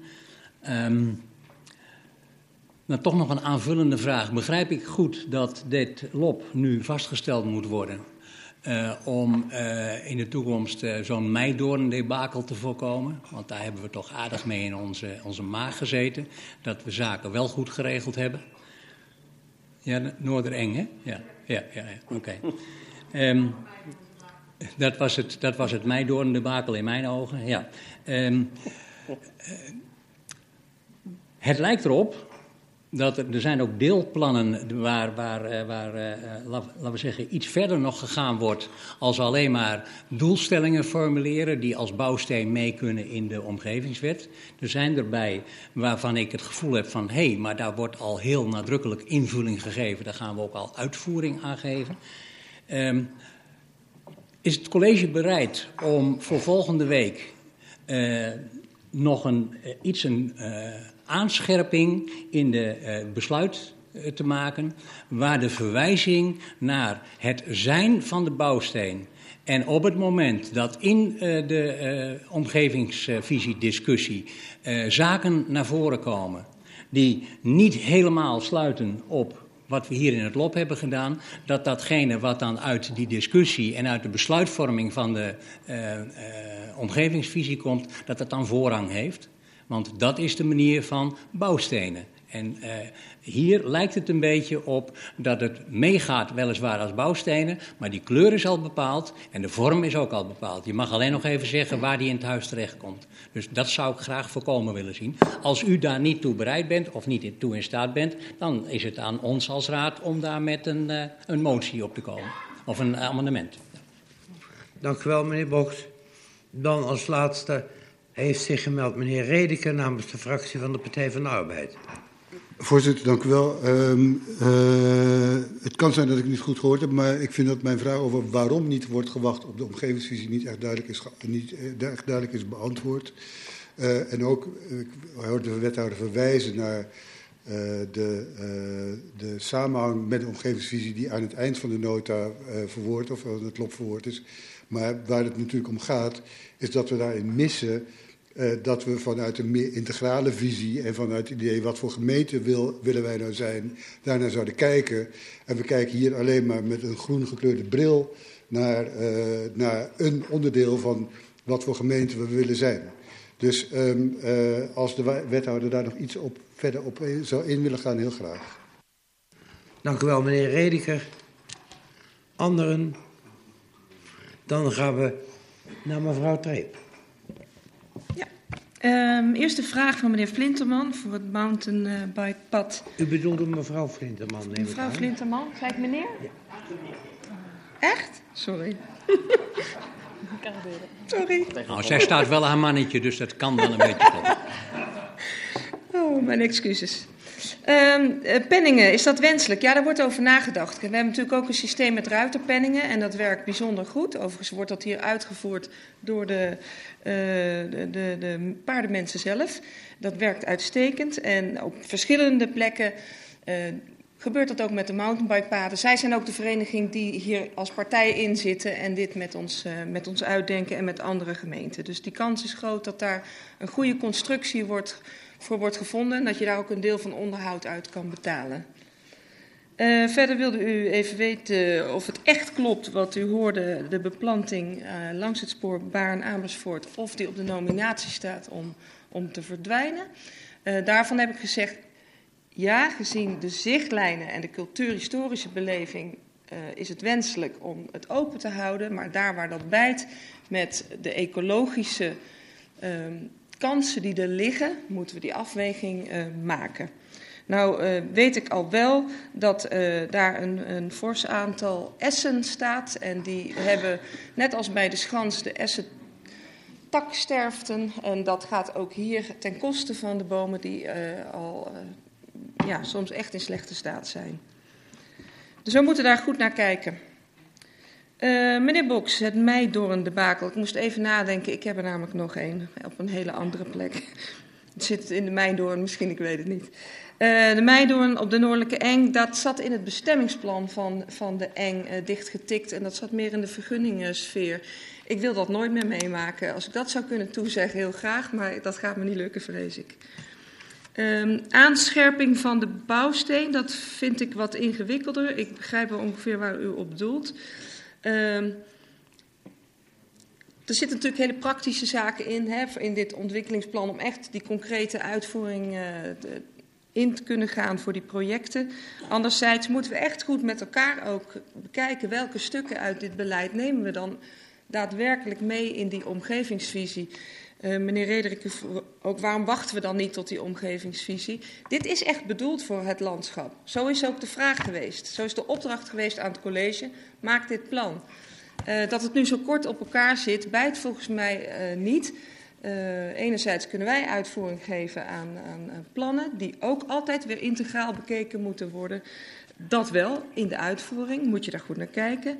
Tegelijkertijd denk ik, het leent zich ook gewoon wel heel goed voor de discussie dadelijk, voor die omgevingsvisie. En we halen daar gewoon echt samen uit wat we erin willen hebben. En dat geldt ook voor alle andere uh, bouwstenen. En soms kan iets in het uh, omgevingsplan, we praten daar later nog over, en andere stukken hieruit kunnen landen in de omgevingsvisie. Maar het is aan u om daar uh, anders over te denken. Dan heb ik de vraag beantwoord. Als dit dan de vragenronde was voor de knip, dan knippen we en gaan we naar de knip. De debatronde. Ik kan noteren meneer De Ruiter, meneer De Wolf, meneer Kamer, mevrouw Flinterman, meneer Redeker, meneer Boks. Anderen die ik nog niet heb genoemd. Oké. Dan nodig ik meneer De Ruiter uit om de af aftrap te verrichten namens de fractie van GroenLinks. Ja, dank voorzitter. Uh, GroenLinks had geen uh, inhoudelijke bestuurlijke vragen bij dit landschap- en natuurontwikkelingsplan. Wij zijn namelijk zeer verheugd dat juist een wethouder van GGS-huizen met dit ontwikkelingsplan komt. Uh, ik zei het zojuist al, alle landschappen rondom Soest worden hiermee uitstekend op waarde geschat. hulde. Um, we willen nu met name focussen en een vraag stellen aan de andere fracties op het agrarisch gebied in de polder. We zijn blij verrast uit de inspraaknotitie te mogen vernemen dat hier het plan is om het polderlandschap terug te brengen in de staat van voor de tijd dat prikkeldraad bestond. En ik wil u graag even meenemen, want voor 1900 werden om het vee als het ware op hun plek te houden in agrarische gebieden op een gegeven moment, en het woord is vandaag al eerder gevallen, houtwallen aangelegd. Meer uitleg hierover staat op een voor iedere voorbijganger te lezen informatiebord van de gemeente Soest, precies op de rand van dat agrarisch gebied. En ik citeer: Houtwallen lopen als een lijn door het landschap. Prikkeldraad bestond nog niet. De wallen, die meestal 2 tot 4 meter breed waren, werden opgeworpen vanuit een greppel. De wal werd naar beide zijden steil afgewerkt. Het hoogteverschil tussen de bodem van de greppel en de houtwal bedroeg 1 à 1,5 meter. De houtwal werd beplant met bomen. De steile hellingen en de dichte begroeiing hielden het vee buiten. Einde citaat. Mooi! En ook goed voor de zogewenste biodiversiteit, waar we de wethouder ook steeds over horen. Eindelijk in die kale polder. Ik citeer hetzelfde informatiebord. Houtwallen fungeren nu als verblijfplaats voor dieren en planten midden in agrarisch gebied, van waaruit die zich kunnen verspreiden. Ook hebben houtwallen een functie als verbindingszone tussen afzonderlijke natuurgebieden. Einde citaat. Naast wallen en begroeiing met bomen is het beeld van de polder zeg maar, van voor 1900 natuurlijk ook gevuld met windmolens, om het water buiten te houden. GroenLinks is zeer verheugd dat dit beeld, in een eigentijdse variant, uitgangspunt is voor de ontwikkeling van de polder. Dat brengt meteen energieopwekking op eigen grondgebied, waar we een andere wethouder steeds over horen, dichterbij. Nee, Ruiter, ik kom bij mijn vraag. Ik waardeer uw uh, bijdrage, maar wilt u toewerken naar de vraag voor de andere fracties. Was ik precies aan toegekomen, mijn debatpunt, meneer de voorzitter? Voorzitter, bij uh, interruptie, we zitten toch in debat? Ja, maar hij vraagt ons af. Precies, we zitten niet bij een cabaretvoorstelling. Meneer de voorzitter, mag ik u vragen die kwalificatie terug te nemen? Zegt u meneer de Ruiter. Mag ik u vragen die kwalificatie terug te nemen? Oh, gelijk. Dank u wel. Onze vraag aan de andere fracties is: bent u ook zo blij met het vooruitzicht van een polder die bijdraagt aan biodiversiteit en duurzaamheidsambities, vol met diepe greppels, brede wallen, dichte begroeiing en windmolens? Dank, voor... Dank u wel, meneer de Ruiter. Dan gaan we naar meneer de Wolf. Namens ja, de ik wil graag eerst even ingaan op, uh, op wat de heer De Ruiter net zei. Uh, Soest heeft weliswaar een aantal korenmolens gekend, maar in de polder hebben nooit molens gestaan. Dus wellicht een kleine teleurstelling, maar zo is het nu eenmaal. Um, GGS is uh, blij met het uh, LOP zoals dit er nu ligt. En uh, we lezen daar vele dingen in waar we, um, ja, waar we achter kunnen staan. Um, bijvoorbeeld het pleidooi voor biologische natuur inclusief bouwen, om dat in ieder geval te onderzoeken. ook de omvorming van de intensieve landbouw naar de extensieve landbouw, wat daar eigenlijk ook op neerkomt. Uh, en dan ook de omvorming van het productiebos naar een meer natuurlijk bos. Dat zijn allemaal zaken waar wij uh, gelukkiger van worden.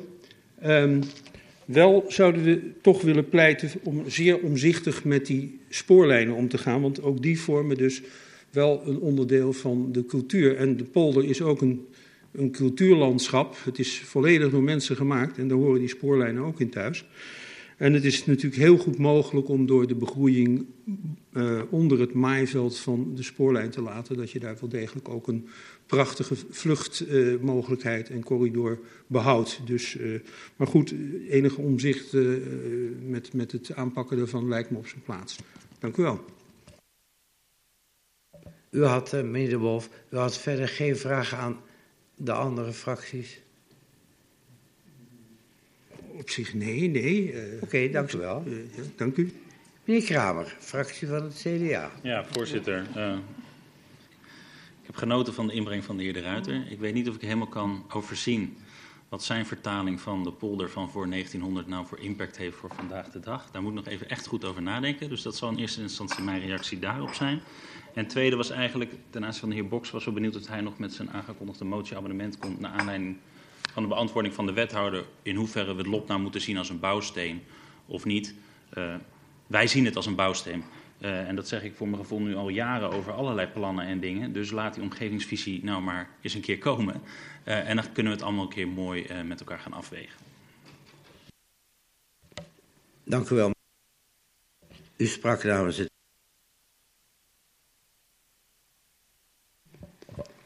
dank u wel, voorzitter. Um, ja, ik wou nog even benadrukken dat het, het landschapsontwikkelingsplan uh, dat illustreert de rijkdom van ons landschap rondom uh, Soest. En um, ik heb eigenlijk nooit geweten dat wij zoveel soorten bos hadden. Dus in die zin, uh, en dat geldt nog voor een heleboel andere onderdelen in dit plan. Dus in die zin ben ik de wethouder ook heel dankbaar dat ze ons dit, deze rijkdom heeft, heeft aangeboden op, in dit plan. Um, even terug te komen op wat meneer De Wolf net zei over de spoorlijn. Uh, we hebben in onze vragen daar ook al uh, enigszins op aangestuurd. Uh, wat ons betreft is dat, een, een onderdeel, een dat project een onderdeel van het plan waarvan we ons afvragen of dat nou echt wel nodig is dat je daar überhaupt aandacht aan besteedt. Die spoorlijn ligt er al ruim een eeuw. Is inderdaad onderdeel van het landschap. Um, en ik denk ook van ja, moet je niet op een gegeven moment jezelf afvragen zijn er niet momenten waarop je het landschap gewoon het landschap kan laten? Want elk onderdeel van, in Nederland van ons landschap is bestemd, is, is besproken, is ergens uh, in, een, uh, in een plan uh, vastgelegd. Maar soms moet je het ook gewoon eens een keer laten en kijken wat er gebeurt. Zolang er geen essentakken naar beneden vallen en dode bomen verschijnen. Dat is natuurlijk een ander verhaal. En een, een, ander punt dat wij hebben, we zijn natuurlijk heel erg voor de, de wandelroutes, de knooppunten en de recreatie duurzaam in, uh, in je eigen omgeving uh, recreëren. Um, aan de andere kant is het natuurlijk wel met het MTB-pad wat er aangelegd gaat worden. Dat gaat heel veel uh, landelijk ook MTB'ers aantrekken die in Soest komen recreëren. Want zo, zo, gaat dat. Als het een uitdagende route wordt, dan komen er meer mensen. Um, het kost geld, maar het, het trekt ook allerlei MTB'ers aan waarvan je afvraagt: is dat een keuze die wij willen maken hier in Soest? Het wordt er drukker van en de druk op het landschap wordt alleen maar groter. Zeker op die plek. Um, dat was even mijn bijdrage. Dank u wel, mevrouw. Nee, ik begrijp het, maar het lampje staat weer op groen. Meneer Rediger, zou u namens de fractie van de Partij van de Arbeid uw inbreng willen doen? Zeker, voorzitter, dank u wel. Ik zou graag willen beginnen met een antwoord op de vraag van de heer De Ruiter over de, uh, de ingewikkelde uh, landschapsstructuren die ontstaan als we zijn houtwallen gaan realiseren uit de 19e eeuw. Um, uh, wij vinden dat een slecht plan. in ieder geval, laat ik zeggen, voor het gedeelte, als we toch over de spoorlijn hebben, tot aan de spoorlijn.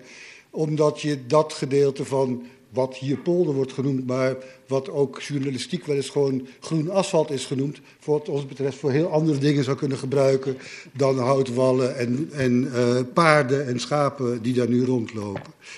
Um, uh, dus is dat, ik hoop voor de heer De Ruiter dat dat voldoende antwoord op zijn vraag is. Um, de, ik, ik, heb nadrukkelijk gevraagd in de eerste ronde naar de, de samenhang met de omgevingsvisie. De heer Kramer geeft aan dat hij het ziet als een, als een bouwsteen. Maar we zetten hier dan, naar mijn idee, wel een heel bijzondere bouwsteen neer.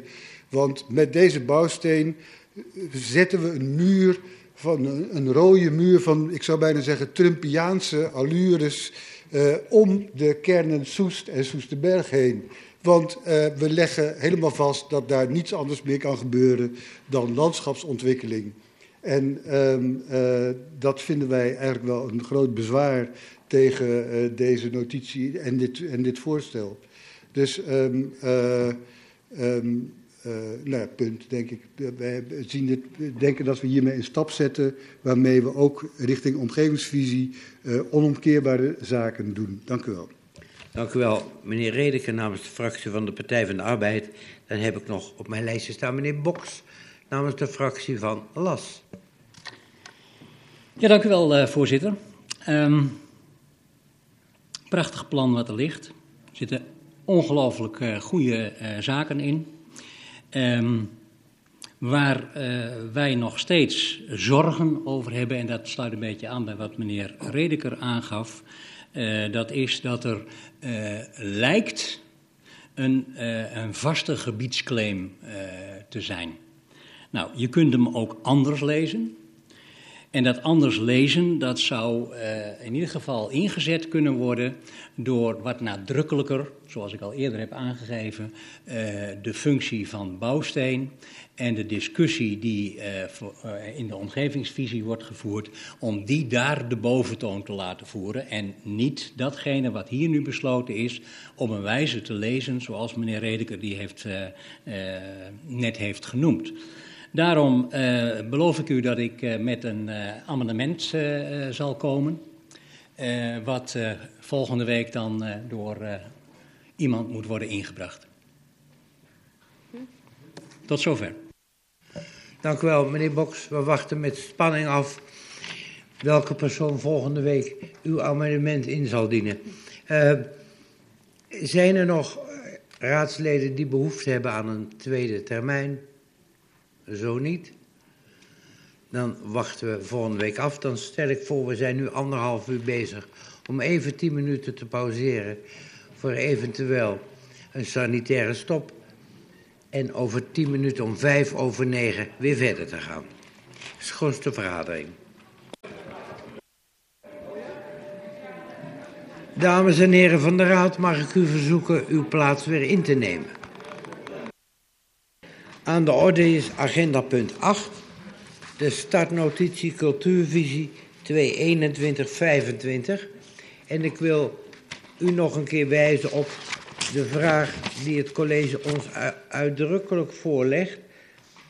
Voor de opinierende raadsbijeenkomst vraagt het college van BNW een opinierende bespreking rond de voorgestelde opgaven en speerpunten en een gedachtenwisseling over de beschreven ambitieniveaus wilt u die vraag in gedachten houden. we beginnen eerst met de politiek-bestuurlijke vragen.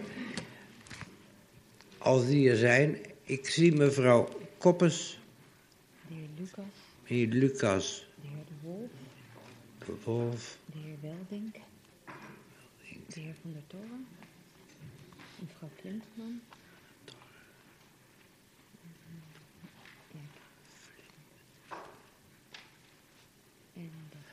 En dat waren ze. Goed, daar gaan we. Uh, als eerste mevrouw Koppers van de fractie van GroenLinks. Dank u, voorzitter. Ja, het zit de cultuur van Soes niet mee. Eerst wordt het niet eens genoemd in het uh, coalitieakkoord. Dan komt er een uh, aanzienlijke taakstelling overheen en dan krijgen we ook nog deze startnotitie waar wij persoonlijk niet erg veel mee kunnen. Um, deze startnotitie is nu uh, in de raad en in het stuk staat in de planning dat uh, de, de visie met de taakstelling daarbij volgende maand al klaar moet zijn. Um, als wij, dat brengt mij tot de eerste vraag. Um, als wij nu over deze startnotitie gaan besluiten, wat kan er dan nog veranderen? Ik bedoel, het ligt waarschijnlijk allemaal al vast. Wat, waar besluiten we nu over? Um, waarom is er voor gekozen om het op deze manier te doen, met uh, stoom en kokend water, zonder een evaluatie van het vorige beleidsplan? Zonder een inventarisatie van wat er in Soest is, zonder cijfers, zonder resultaten van dingen, zonder consequenties van keuzes. Er staat eigenlijk helemaal niks in dit stuk. Um, en dan zal het antwoord waarschijnlijk zijn, uh, dit moet zo snel omdat het voor de kadernoten klaar moet zijn, zodat we een taakstelling kunnen doorvoeren. Dat is dan maar de vraag of je het zo wil doen, want wat, ja, wat, wat is dat voor een doel voor, voor een nieuwe visie?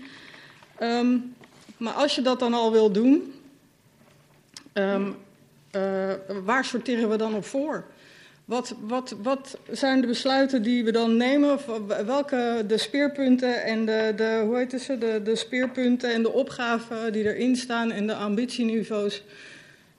Als we daar keuzes in maken, wat voor consequenties heeft dat dan en uh, welk, welke taakstellingen vloeien daaruit voort? Uh, als wij hierin gaan kiezen, als je dat al zou kunnen doen op deze ontzettend vage teksten, wat gaat er dan gebeuren? Geen idee, echt geen idee. En ik vind dat er wel kwalijk met 120.000 uh, bezuiniging boven, boven deze markt. Dank u wel, mevrouw Koppers, namens de fractie van GroenLinks. Meneer Lucas van de fractie van het CDA. Ja, dank u. Een paar vragen. Uh, in, de in de inleiding zegt u zelf dat de rijkwijde van het begrip cultuur niet helder is. En dat wordt er in het vervolg eigenlijk ook niet duidelijker op. Er wordt heel veel uitgewaaid. Er gaat allerlei kanten op.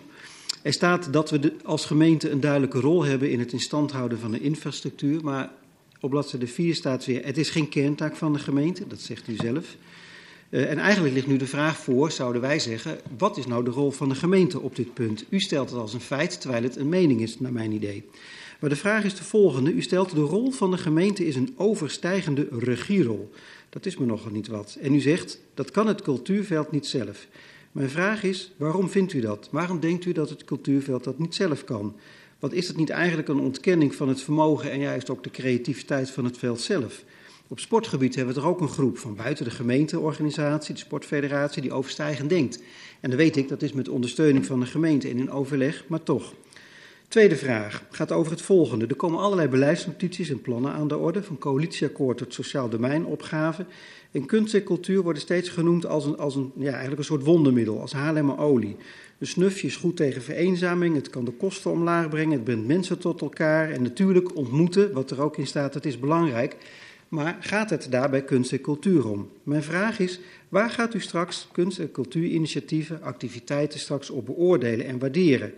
Want het lijkt alsof, het lijkt alsof je met het erbij halen van die neveneffecten, die wij best wel belangrijk vinden, wel heel veel op de schouders van kunst en cultuur legt. Dan kom ik aan de speerpunten. Ja, met alle respect, uh, ik heb ze positief proberen te duiden. Ik kom er straks nog wel op terug. Maar ik zie er niks in wat specifiek voor kunst en cultuur is. Inclusiviteit, diversiteit, jeugd, jongeren ontmoeten. Dat kan je ook van zorg zeggen, dat kan je ook van onderwijs zeggen. Dat kan je ook van de sport zeggen en bij wijze van spreken van groen onderhoud. Mijn vraag is, wat hebben deze speerpunten nou met dit thema te maken? Dank u wel, meneer Lucas, namens de fractie van het CDA. Meneer De Wolf, namens ja, de fractie van. Uh, mijn vraag werd al min of meer door mevrouw Koppers gesteld, maar toch nog even. Uh, er wordt verwezen naar uh, een evaluatie van de vorige cultuurvisie op pagina 4 en 6. Mijn vraag is dan, ja, wanneer krijgen we dan die evaluatie te zien? Wanneer mogen we die verwachten? Dank u wel. Dank u wel, meneer De Wolf. Meneer Welding, namens de fractie van Soes 2002. Dank u wel, voorzitter. Soes 2002 is zeer veel welzijn en onderschrijft het belang van kunst en cultuur in onze gemeente.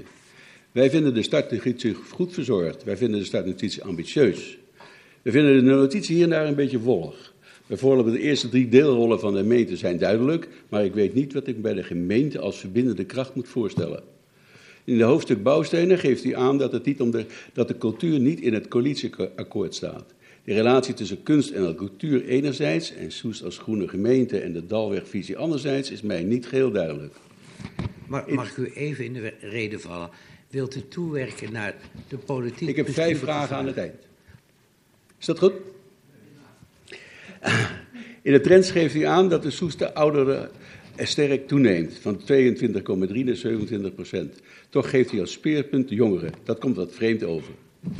Het werkbezoek van in Veenendaal vindt Soes 2002 een ideale manier om bij de bevolking op te halen wat iedereen belangrijk vindt. De drie vragen, wat gaat er goed, wat kan beter en wat missen we, vinden wij prima vragen. Maar wij zouden hem ook graag aan willen vullen met de vraag van wat kunnen wij missen. Ambitieniveau. U geeft drie ambitieniveaus neer. Wat ons niet duidelijk is welke ambitie u zelf nastreeft. Wij als Soes 2002 gaan voor een matig ambitieniveau. Soes 2002 vraagt andere partijen hoe zij hierover denken. De speerpunten zijn duidelijk. Inclusiviteit, diversiteit en ontmoeten onderschrijft Soes 2002 voor 100%. Wij vinden jongeren ook belangrijk, maar vinden ook dat je ouderen niet uit het oog moet verliezen. Hoe nu verder?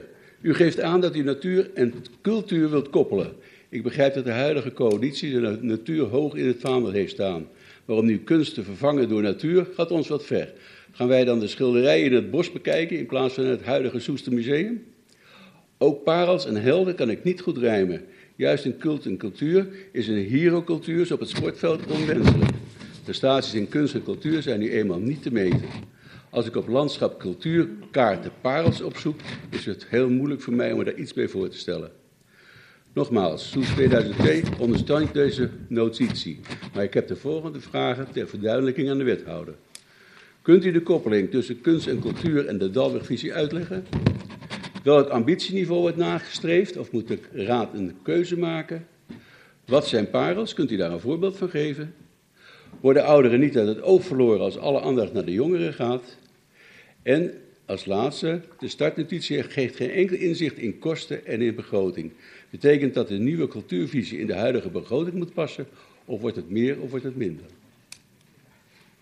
Dank u wel voor uw bijdrage, meneer Weldink, namens de fractie van Soes 2002.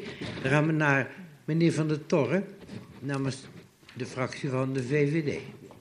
Ja, dank u wel, voorzitter. Ik uh, onderschrijf het uh, verhaal van mevrouw Koppers. Die uh, kijkt ook naar het, de achtergrond en de inhoud van de startnotitie. in de kernboodschap, er staat ook heel duidelijk... cultuurvisie is noodzakelijk in verband met de taakstelling... die de komende jaren de cultuur treft... Uh, ja, dat, is, is dat nou een belangrijke aanleiding om, met, om, ja, om over cultuur te praten? En mijn vraag aan de wethouder is eigenlijk, uh, die taakstelling, is die al helemaal 100% zeker? Zouden we niet wachten tot we wat meer inzicht hadden in de financiële situatie? Dank u wel, meneer Van der Torre. Dan kijk ik naar mevrouw Flinterman, die namens de fractie van D66 de vragen zal stellen. Dank u wel, uh, voorzitter. Um, ja, um, ik sluit me aan bij de vraag van uh, de heer Van der Torre over uh, de taakstelling. Want die is nogal dominant aanwezig in, dit, in deze visie. En um, het zou dus heel erg veel uitmaken of dat inderdaad al definitief is of niet. En verder heb ik een vraag over de visie zelf in de zin dat ons wordt gevraagd in het raadsvoorstel om ook sturing te geven aan de uiteindelijke visie. Um, en de vraag, mijn vraag gaat over uh, eigenlijk de vorige visie. Want daar was het cultureel ondernemerschap een, uh, een heel leidend onderwerp ten aanzien van de financiële ondersteuning van de gemeente. dit betekende onder meer dat er van de subsidieaanvragers verwacht werd dat ze na een aantal jaren financieel op eigen benen kunnen staan. Um, en ik vroeg me af of dit nog steeds een uitgangspunt is uh, dat de wethouder in een nieuwe cultuurvisie wil gaan handhaven. Dank u wel, mevrouw Flinterman. Even een verzoek aan meneer Welding of u uw microfoon uit. Ja. Zijn er nog meer van u die vragen willen stellen aan het college? Over dit onderwerp uiteraard. Niemand dan. Kijk, meneer Boks, sorry. Meneer Boks namens de fractie van LAS. Ja, voorzitter, nog één uh, laatste vraag. Um, wat gebeurt er als we dit nu niet voor de kadernota met elkaar in, in elkaar zetten? Wat gaat er dan mis? Heldere vraag, dank u wel, meneer Boks. Dan kijk ik richting college en ik veronderstel dat wethouder Koendic op de gestelde vragen in zal gaan. Ja, dank u wel, voorzitter. Uh, wisselende reacties, wat op zich ook wel uh, te verwachten viel. Uh, ik probeer het een beetje in mijn hoofd te ordenen terwijl ik aan het praten ben. Ik denk dat dat uh, wel gaat lukken. Um, ten eerste, de huidige cultuurvisie die u uh, vier jaar geleden heeft vastgesteld, die is aan het aflopen. En het is sowieso nodig om een nieuwe vast te stellen. Uh, daar aan de huidige cultuurvisie hing een uh, uitvoeringsprogramma. Uh, we hebben naar dat programma gekeken en die is uitgevoerd. dat is vooral ambtelijk gebeurd. We hebben niet een apart evaluatiedocument daarover opgesteld, maar gesteld kan worden, die is uitgevoerd. Um, het is wel zo dat die natuurlijk vooral op uh, uh, activiteitenniveau geformuleerd is. En met cultuur en met zoveel dingen in het sociale domein is het heel erg lastig om te meten als je deze maatregel inzet, wat brengt dat op? Uh, dat is nagenoeg niet te doen, omdat er heel veel andere uh, maatregelen ook zijn die een effect hebben op bepaalde uitkomst. Um, dus je kan zeggen, die is uitgevoerd. Uh, we hebben ook wel een enquête uitgezet via de burgerpanel om te kijken hoe onze inwoners denken over cultuur en wat er in de afgelopen jaren daarover, uh, uh, daarin gebeurd is. En hoe ze de voorzieningen ervaren en dat soort dingen. En die uitkomsten worden nog verwerkt. Um, Vervolgens zijn we gaan nadenken, nog voordat überhaupt sprake was van de, we moeten nog bezuinigen en noem maar op. Uh, zijn we na gaan denken van ja, hoe gaan we dat traject van de nieuwe cultuurvisie met elkaar starten.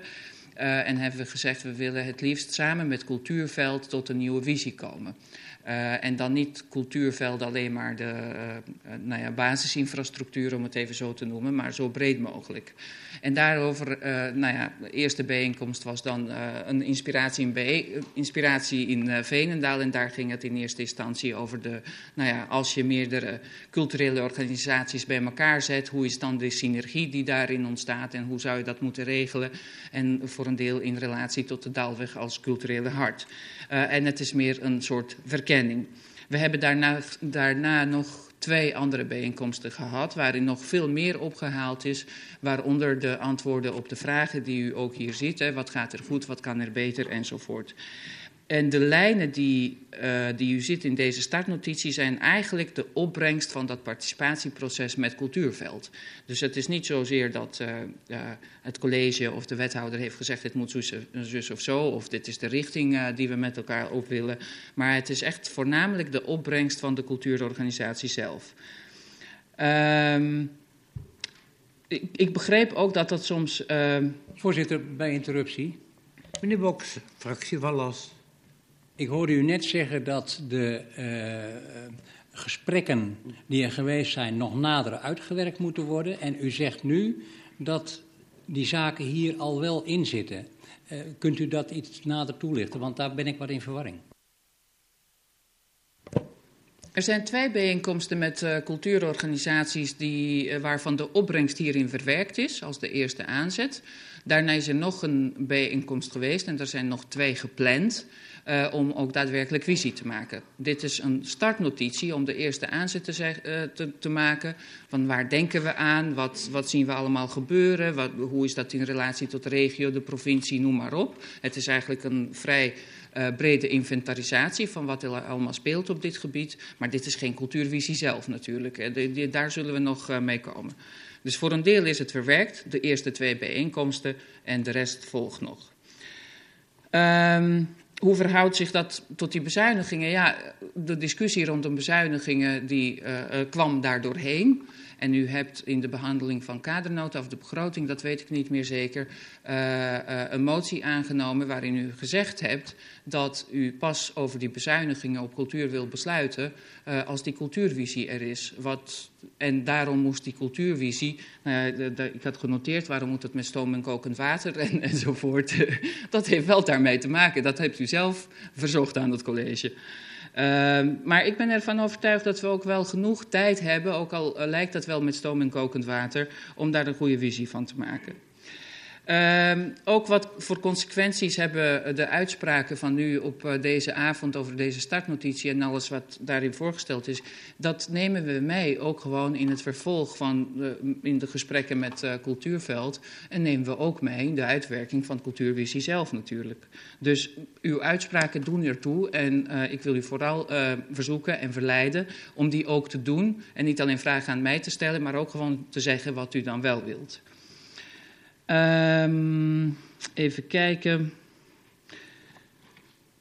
Ja, de, het begrip cultuur is ook heel breed, dat klopt. Um, een uh, vat uh, cultuur op als een soort uh, gedragsregels ding, een andere vat dat op meer in de kunstzinnige kant.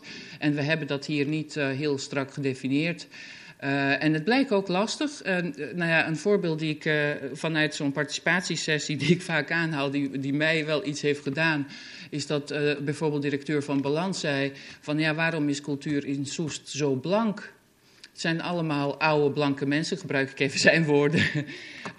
en waarom is het zo dat op het moment dat het over wat donkerdere mensen gaat, dat we dat dan ineens welzijn noemen? Het is allebei cultuur. Uh, het gaat erom, bijvoorbeeld uh, muziek maken op uh, scholen. op bepaalde scholen noemen we welzijn en op andere is het kunst. Nou ja, dat noopt ons ook als groep tot denken van, nou ja, waar is die grens dan? En daar zijn we nog niet helemaal over uit. Als u daar ideeën over hebt, hoor ik, hoor ik ze ook graag, dan kunnen we ze meenemen. Um, even kijken. Natuur en cultuur en parels en helden. Ja, dat zijn inderdaad die inhoudelijke lijnen die ook uit die participatiesessie zijn gekomen. Uh, waarin we hebben gekeken, ja, wat zijn nou de belangrijke waarden uh, van Soest? En dat blijkt ook dat alle cultuurpartijen in, in, in Soest die natuur uh, en cultuurverbinding hier uh, heel belangrijk achten. En we hebben ook een aantal initiatieven op dat gebied. Hè. Denk aan Palsbiennale, daar heb je inderdaad echt kunst in de natuur. Uh, en als het gaat over profilering van Soest, zeggen alle cultuurpartijen... dat is nou zo'n inhoudelijke lijn waar wij ons als plaats, als gemeente... veel meer op moeten profileren. Uh, en parels en helden, dat gaat uh, nou ja, om die parels te benoemen. Je kan beginnen in uh, Soesterberg, bij wijze van spreken, met de vliegbasis en hele cultuurhistorie die daarmee mee samenhangt. Met het Nationaal Militair Museum, die in het hele land bekend is. En als je dan zo een beetje omhoog gaat, bij de Pals aankomt en vervolgens bij het Cabrio, waar we ook een stukje over gehad hebben. En nou ja, je kan eindigen, bij wijze van spreken, bij Paleis Soestdijk, die weliswaar niet helemaal in Soest is, maar wel in Soestdijk. Um, je kan echt wel een hele mooie parelketting maken door onze gemeente van uh, organisaties die in het hele land bekend zijn en die tot mijn verwondering niet direct met Soest geassocieerd worden. En ik vind dat we daar wel wat mee zouden moeten en dat vinden die cultuurpartijen ook. En uh, over helden gesproken, dat zijn dus um, ook landelijk bekende Soesters. Um, die ook niet zozeer met Soest worden geassocieerd. Uh, en die we veel meer aan ons zouden moeten binden in uh, onze ogen. Um, even kijken. Over de ambitieniveau, ja, dat vind ik echt wel een, een politieke uitspraak. Uh, op dit moment is ons cultuurbeleid vooral gericht op die, nou ja, wat ik noem basisinfrastructuur. Het, wat je in feite in bijna iedere gemeente hebt. Hè, een bibliotheek, een museum, een muziekschool. Nou ja, sommigen hebben het helaas niet meer, wij hebben het gelukkig nog wel. Um, en dat is ook nodig voor gewoon de bevolking in je eigen gemeente. Uh, en dat moet je in stand houden in mijn ogen. Uh, en tegelijkertijd heb je hier in onze gemeente ook veel grotere dingen waar we gebruik van zouden kunnen maken. En als je zegt, uh, nou ja, we willen een hoog ambitieniveau, dat betekent ook nogal wat. Dan moet je veel meer inzetten op die profilering en de verbindingen tussen die hele grote dingen in onze gemeente en die gewone dingen in onze gemeente. Um, ouderen en jongeren de relatie. Nou ja, we constateren dat in in cultureel leven in Soest toch vooral ouderen actief zijn. Kijk, uh, naar het museum, nou ja, in muziekschool heb je wat meer jongeren natuurlijk. Uh, maar kijk bij de tentoonstellingen, kijk bij uh, verschillende optredens, zelfs bij verenigingen. Het zijn toch vooral ouderen die actief zijn, ook in de besturen en noem maar op. En we vinden wel dat we die jongeren veel meer uh, bij moeten trekken. En dat kan ook door andere vormen van kunst en cultuur wat meer naar voren te brengen. Um, nou ja, is die taakstelling wel zeker? We zouden naar de financiële situatie kijken. Ja, wat mij betreft ook wel. Uh, die taakstelling is in die zin niet zeker, maar dat is echt wel aan u. Uh, wat daarvan uh, terechtkomt of niet. En ik hou er rekening mee dat die er komt, want die is wel ingeboekt. Um, en we proberen een cultuurvisie te maken waarin we uiteindelijk ook op grond waarvan we kunnen bepalen van nou ja, kan dat ook met minder of niet. En die keuze, die afweging is uiteindelijk aan u. Cultureel, uh, cultureel ondernemerschap, goed punt. Uh, die is in deze startnotitie inderdaad niet naar voren gekomen, ook niet in die gesprekken. En tegelijkertijd, uh, nou ja, ik noemde net een aantal van die parels. En zo zijn er echt veel meer. Er zijn heel veel kunstenaars uh, in Soest die gewoon zelf doen. Er zijn heel veel amateurs die het zelf doen. heel veel verenigingen die het zelf doen. Dus volgens mij is er in Soest echt heel veel cultureel ondernemerschap, die niet altijd even goed zichtbaar is. Maar misschien moeten we dat ook gewoon al zodanig opschrijven dan. Um, en wat gebeurt er als we deze visie niet vaststellen voor de kadernota? Um, ja, ik zou zeggen dat is aan u. Ik weet niet of u dan een goede afweging kunt maken over die bezuiniging uh, wel of niet. Voor mij was die dus vanaf begin niet per se aan elkaar gekoppeld. Het is een, een, een uh, gevolg van iets wat daarna gekomen is. Uh, en ik probeer met cultuurpartijen tot een goede inhoud te komen, waarin we ook kunnen bepalen hoe die wens van u uiteindelijk ingevuld, ingevuld, wordt. Voorzitter, um, ik hoop dat ik de vragen beantwoord heb en als dat niet zo is, hoor ik het graag. Dank u wel, mevrouw Koenits. Ik kijk, zijn er mensen die graag een tweede termijn willen hebben? Ik zie mevrouw Koppers, meneer Lucas.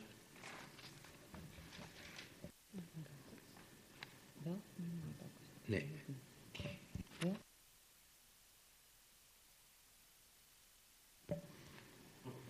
Akkoord.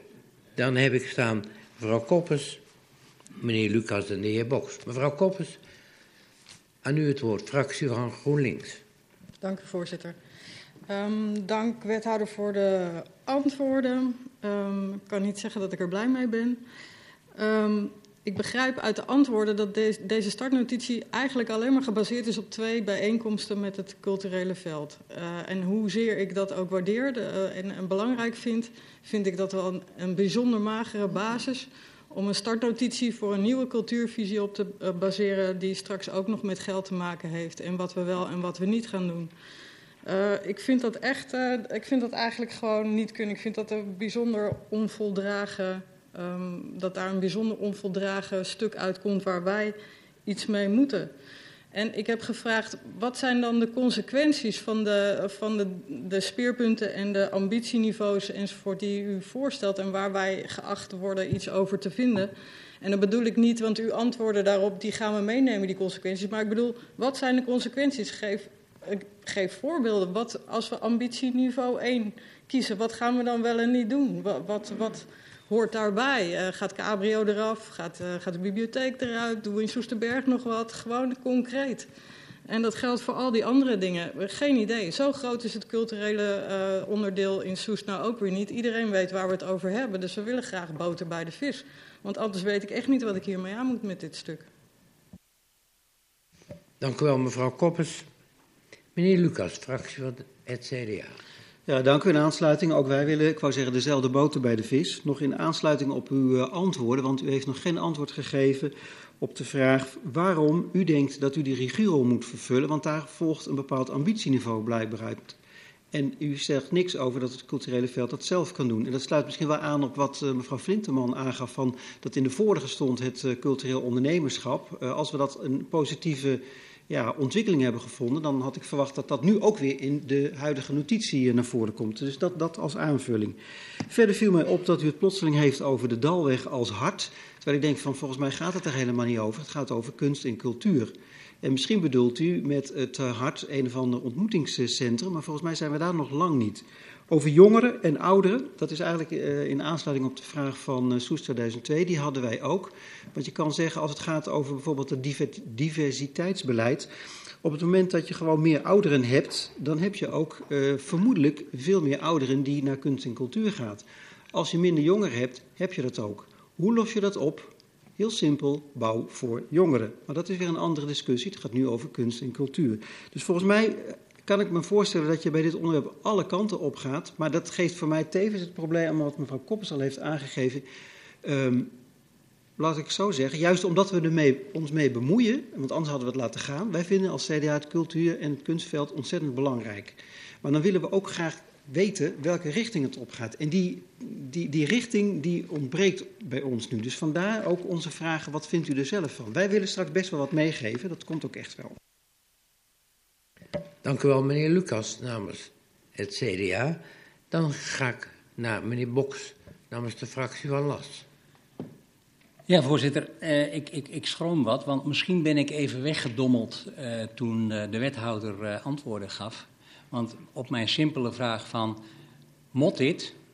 Wat is de consequentie als wij niet tot een, een, visie komen voor de kadernota? Wat gebeurt er dan? En daar heb ik geen antwoord niet op gehoord. Maar misschien heeft de wethouder dat wel gegeven. Ik, ik, ik was hem even kwijt. Zijn er nog anderen in deze termijn? Zo nee, kijken we nog een keer naar mevrouw Koenits. Zou u ons van antwoord dank. willen voorzien? Ja, dank voorzitter. Nou, om, om te beginnen met Las. Ik was in veronderstelling dat ik die wel heb gegeven. U hebt uh, verzocht om met deze visie te komen voor de kadernota. En uh, ik hou me aan die opdracht. Vandaar misschien ook dat dat iets prominent aanwezig is uh, in, in dit voorstel. Um, en ik was dan ook in veronderstelling dat u dat nodig hebt voor de kadernota. En als, het, als u het niet vaststelt voor de kadernota, dan is die consequentie. Ik neem aan dat het dan moeilijker is om te besluiten over die bezuiniging wel of niet. Um, en um, de vraag van uh, GroenLinks, consequenties voor organisaties. Uh, want zo vertaal ik hem dan even uh, concreter. Um, dit is een startnotitie. Uh, en een visie gaat over het algemeen niet over organisaties, maar over waar je naartoe wil. Uh, een richting. Uh, die richting is hier ook niet aanwezig, niet volledig althans, want dit is nog een startnotitie. Um, ik hoop wel dat we in de, in, tegen het einde, dat we ook klaar zijn met het hele participatieproces en ook wat betere contouren hebben van die visie. Dat we dan ook iets meer zicht hebben op die organisaties, dat we daar iets over kunnen zeggen. Maar dat is op dit moment gewoon nog niet zo ver. Um, nou ja, daar beperk ik me toe. Um, waarom regierol? Volgens mij hebben we verschillende rollen van de gemeente uh, genoemd uh, in dit stuk. Uh, kijk, als het over de bibliotheek gaat, hebben we echt wel een andere rol dan als het over die uh, uh, kunstenaars gaat die hele mooie dingen maken, die zelfs internationaal worden tentoongesteld. en we hebben meer benoemd welke rollen hebben we in het algemeen. En soms is dat een regierol en soms is dat een andere. Dalweg, cultureel hart van Soest. Ja, dat is een wens inderdaad. En deze visie gaat daar niet per se over, maar dat is meer een, een van de lijnen hierin is de verbinding tussen culturele organisaties, verbinding tussen mensen, ontmoeting.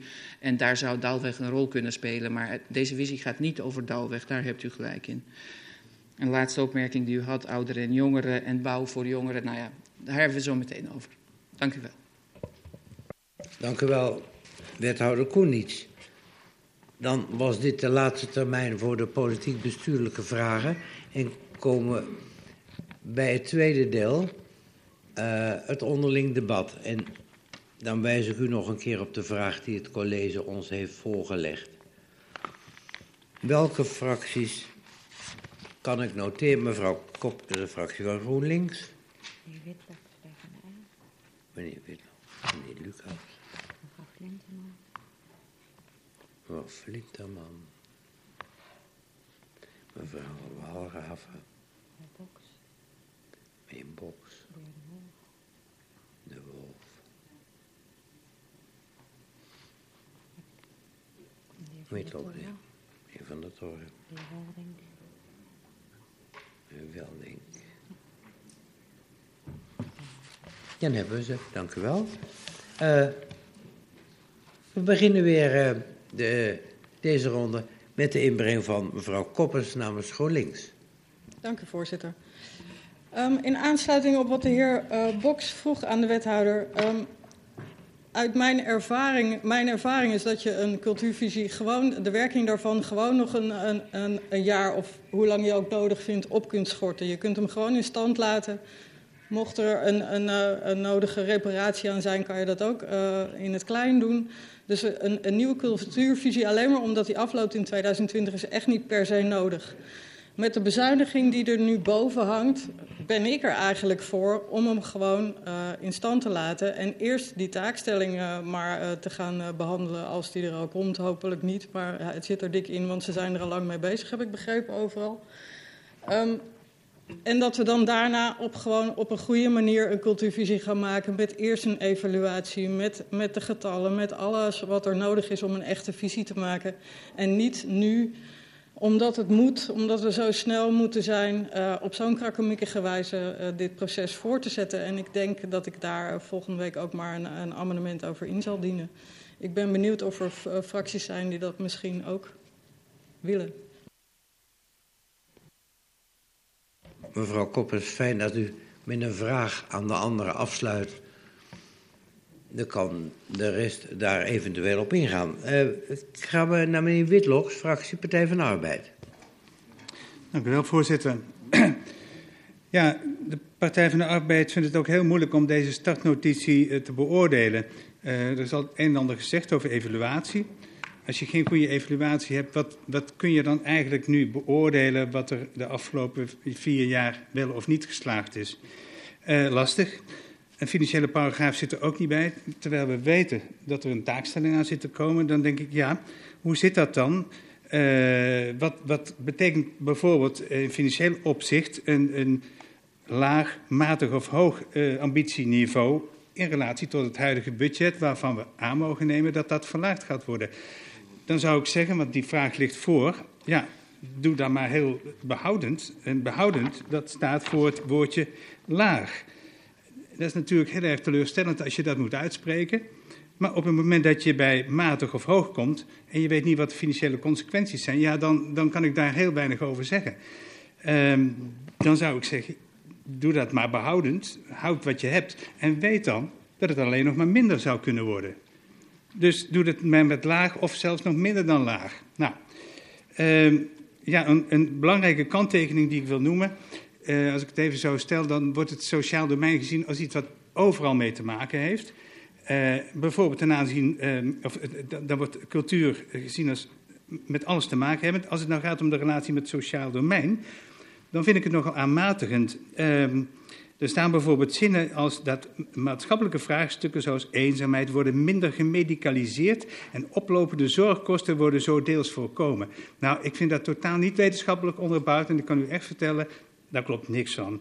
Cultuur draagt bij om minder een beroep te doen op professionele ondersteuning en indicatie. Ga maar eens in een verpleeghuis kijken hoe dat zou kunnen werken. Uh, ten aanzien van het sociaal domein weinig aandacht voor cultuur, terwijl het van groot belang kan zijn voor zorg en welzijn. Mensen met een geheugenprobleem of fysieke beperking, die hebben behoefte aan deskundige opvang. Ook gericht op hun fysieke en hun geestelijke beperkingen. En ik zou niet graag zien dat het budget vanuit het so sociaal domein wordt aangesproken of gebruikt voor uh, dit uh, budget. Uh, want die budgetten die staan al onder druk. Daar zou ik dus voor willen waken. U vraagt naar de speerpunten om daar iets over te zeggen. Ja, nogmaals, zonder evaluatie en financiële consequenties vind ik het heel lastig daarover iets te zeggen. Maar dan toch het volgende: inclusiviteit betekent in wezen cultuur voor iedereen. Dat zou ik zeggen, ja, dat, dat geldt. Dat geldt als, als eerste en, en, bijna als enige. Daar ben ik het natuurlijk hardgrondig mee eens. Als je het hebt over diversiteit en vernieuwing, dat vind ik eigenlijk inherent aan kunst en cultuur. Als je niet vernieuwt, met je cultuur, dan zitten we hier nog steeds naar impressionistische schilderijen te kijken over een tijdje. Dus dat is inherent aan. Dat, dat zou ik niet als speerpunt willen noemen. Dat, dat hoort er als het natuurlijk bij. Jeugd en jongeren, in de notitie wordt gesproken dat het heel lastig is te evalueren. En dan net dat punt, daarvan zou ik graag willen weten van wat levert dat op? Wat moeten we daarvoor doen? En ik kom een beetje ook bij de opmerking van Soes 2002. Er wordt wel gezegd wat kan beter en wat moet meer. Maar er wordt niet gezegd wat kan minder. En we weten allemaal dat waar we aan moeten geven wat eventueel meer of meer zou kunnen of behoud zou moeten blijven, moet je ook keuzes durven maken wat er minder nodig is. Dus ik zou zeker de komende weken, als de cultuurvisie wordt gebruikt, ook aandacht willen besteden aan wat er minder kan. Ja, dan de ontmoetingsfunctie. Ja, cultuur faciliteert ontmoeten. Ja, dat is zo. Maar dat doet sport ook. Dat doet de horeca ook. Dat doet recreatie ook. Dat vind ik niet bepaald iets wat specifiek voor kunst en cultuur is. Nou, met die inbreng hoop ik dat ik toch iets gezegd heb over de speerpunten, toch iets over het ambitieniveau. Uh, maar ik vind het nogmaals heel moeilijk om er iets over te zeggen, omdat ik die evaluatie mis en straks die financiële consequenties heel moeilijk kan overzien. Dank u wel. Dank u wel, meneer Witloks, namens de fractie van de Partij van de Arbeid. Meneer Lucas, aan u het woord. Ja, voorzitter, dank. Uit mijn vragen zo net uh, moeten we niet concluderen dat het CDA het veld van kunst en cultuur geen warm hart toedraagt. Integendeel. Maar in deze ja, startnotitie wordt er heel veel neergelegd bij kunst en cultuur. En ik vraag me af of dat terecht is. Uh, en ons wordt gevraagd het college iets mee te geven.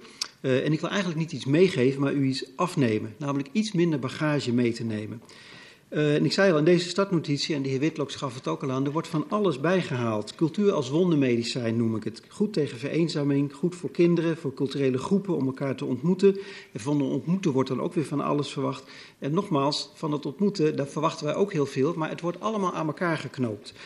U vroeg ons ook, wat vindt u dan zelf? Nou, voor ons is dat niet zo moeilijk. Kunst en cultuur is eigenlijk gewoon genieten van mooie dingen. Van zelf doen, daar kan je van alles bij bedenken. Of genieten van wat anderen doen en dat delen. Van concerten tot tentoonstellingen. De komende periode zal het iets lastiger zijn in het kader van de coronabestrijding, coronavirusbestrijding. Maar dat komt vanzelf wel weer goed. Maar dat ontmoeten is niet het hoofddoel. Want als dat het hoofddoel is, dan kan je ook de kopjes koffie drinken in het café wel gaan subsidiëren. Want ook daar doe je aan ontmoeten.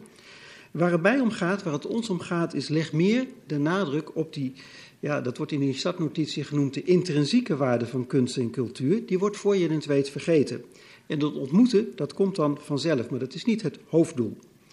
Er wordt ook van alles bijgehaald dat eigenlijk, dat noemde ik al, niet zoveel specifiek met cultuur te maken heeft. En dat zijn eigenlijk de speerpunten. Want, en ook dat sluit aan bij wat de heer Witloks van de Partij van de Arbeid zei, inclusiviteit, diversiteit en vernieuwing, dat zou je niet eens een speerpunt moeten noemen, dat hoort eerder bij de uitgangspunten.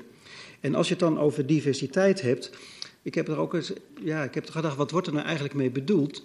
Um, je, zou eigenlijk kunnen zeggen, uh, eerst worden de bewoners, de inwoners van Soest uh, in groepen verdeeld, jong of oud, hoog of laag opgeleid, verdeeld, ingedeeld in seksen, seksuele voorkeur, culturele achtergrond, noem het maar op. Want, zo wordt er in de startnotitie gezegd, er wordt een perspectief op cultuur van verschillende groepen verwacht. Dus ieder eerst in zijn eigen bubbel. En vroeger noemden we het heel simpel verzuiling. En ik kan me niet voorstellen, en zeker niet van een D66-wethouder, dat hij terug wil naar de verzuiling. Ieder in zijn eigen bubbel en dan vervolgens een perfecte bediening binnen die bubbel. Naar ons idee gaat het bij kunst en cultuur juist ook dat je uit die bubbel komt. Dus wat wij willen meegeven, hou niet zo krampachtig vast aan doelgroepen en dat het voor bepaalde groepen uh, iets zou moeten zijn. Want je kan ook een beetje buiten je bubbel treden. Er is nog veel meer te zeggen. Uh, ik wil het hier eigenlijk bij uh, laten. Wat ons betreft, ja, er werd net ook door uh, mevrouw Koppers van uh, GroenLinks gevraagd, zouden we er niet iets anders naar moeten kijken? Ik kan me daar wel wat bij voorstellen, want wat er gebeurt als we hier niet mee ingaan, niet, niet mee uh, verder gaan, dan hebben we volgens mij nog steeds een cultuurvisie waar je bij wijze van spreken nog even een jaartje aan zou kunnen plakken, wat naar ons idee wel een aantal goede uitgangspunten heeft. En um, het is misschien wel nodig om wat van de financiële kanten te weten als we het, als we het al hebben over uh, bezuinigingen. Maar ik heb nu op dit moment geen beeld waar deze startnotitie heen gaat. Tot zover mijn bijdrage vanuit het CDA. Dank u wel, meneer Lucas, namens het CDA. Mevrouw Flinterman, namens de fractie van D66. Uh, dank u wel, uh, voorzitter. Um, ja, ik sluit aan bij uh, de heer Lucas. Dat u zegt van ja, ik weet eigenlijk niet precies waar deze cultuurvisie nou heen gaat. Omdat we een aantal kaders niet helemaal duidelijk hebben ten aanzien van de ambitiestelling. Wat ook weer met de taakstelling te maken heeft. Um, en dat, ik grijp dan ook weer terug naar wat de heer Witloks zei over het ambitieniveau. Um, als je ziet wat wij in Soest uh, per inwoner aan cultuur uitgeven, dan is dat 46 euro per inwoner per jaar. En in Zeist is dat 68 euro per inwoner per jaar. En nou is geld niet het enige wat een, een, uh, een gemeente een rijk cultuurleven geeft, maar het is wel een ondersteuning en een stimulans om daar enige richting aan te geven. Dus het is ook aan ons als raad om te kijken van hoe kunnen wij daar iets aan doen om dat meer substantie te geven. Um, dus in die zin is dan het ambitieniveau, is, wat de heer Witloks ook al zei, van als we het eerste niveau vasthouden, dan is dat met de huidige taakstelling al uh, heel knap, denk ik. Laat staan dat we dat nog helemaal uit kunnen bereiden, want daar hebben we dus echt uh, het bedrijfsleven en andere sponsors voor nodig om dat voor elkaar te krijgen. En heel veel cultureel ondernemerschap in onze eigen gemeente. Um, dat gezegd hebbende vind ik ook wel, uh, hebben wij het uh, dusdanig opgevat dat we gedacht hebben van oké, maar wat willen wij als D66 dan vanuit uh, die cultuurvisie graag bijdragen? De wethouder vraagt in het raadsvoorstel om sturing en, en input. Dus um, ik heb een boodschappenlijstje gemaakt. Wat willen we graag? Um, en misschien uh, kunnen collega's daar iets aanvoeren of zeggen van nou ja, dat, uh, dat is uh, onzin of dat willen we er graag juist bij. En ik hoop dat de wethouder meeschrijft. Um, en een boodschappenlijstje, omdat met die nieuwe cultuurvisie een aantal initiatieven dreigen te verdwijnen. Waarvan wij denken van ja, waarom moet alles nieuw en anders? Er zijn heel veel dingen die al heel goed gaan. En wees daar trots op en wees daar blij mee. Um, de wethouder had het net over de parelketting. Wij noemden dat uh, tot voor kort het Soester Cultuurlint. Dat is er eigenlijk al. Um, als je dat nou wat meer promoot, en dan hoeft de gemeente helemaal niet heel veel geld aan uit te geven, maar je kan het aanjagen als uh, uh, gemeente, de partijen bij, bij elkaar brengen. Dus je start bij het Militair Museum en je kan de hele route tot aan Paleis kan je heel veel aandacht geven. Is voor Soesters leuk, maar is ook voor toeristen leuk. Um, ook bijvoorbeeld Kunsten Soesterberg is verdwenen. Uh, was een heel uh, succesvol initiatief, maar is verdwenen omdat er geen uh, budget meer voor was. Nou, ik zei net, het cultureel ondernemerschap was daar ook debet aan, omdat Kunsten Soesterberg niet op eigen benen kon staan na een aantal jaren, wat wel een voorwaarde was om nog fondsen te ontvangen. Nou, dat is iets waarvan ik denk dat we in de nieuwe visie naar moeten kijken. Kan dat niet anders? Uh, hetzelfde geldt voor het Cultuurfestival. Opgezet om inwoners kennis te laten maken met alles wat er op cultureel gebied te doen is in Soest en Soesterberg. Nou, dan heb je heel veel punten, speerpunten uit deze visie bij elkaar gebracht al. Ontmoeten, uh, uit je eigen bubbel. Uh, je komt elkaar tegen. En als laatste, maar niet onbelangrijkste, is... Ehm, wij pleiten al heel lang voor een vernieuwd festival voor jongeren. Er was een, een Soestvrij Staal... Dat is uh, ook een zachte dood uh, gestorven. Maar waarom daar niet nieuw leven in blazen en uh, ook weer een aantal speerpunten daarin terugbrengen? Um, wat best een heel goed nieuw initiatief zou kunnen zijn, gebaseerd op een oud voorstel. Um, en dan als laatste wil ik nog even de, de Make Music Together en Make Music for Kids en de Palsbiennale noemen. Als we het toch hebben over initiatieven die dreigen te sneuvelen. Omdat er Voorzitter.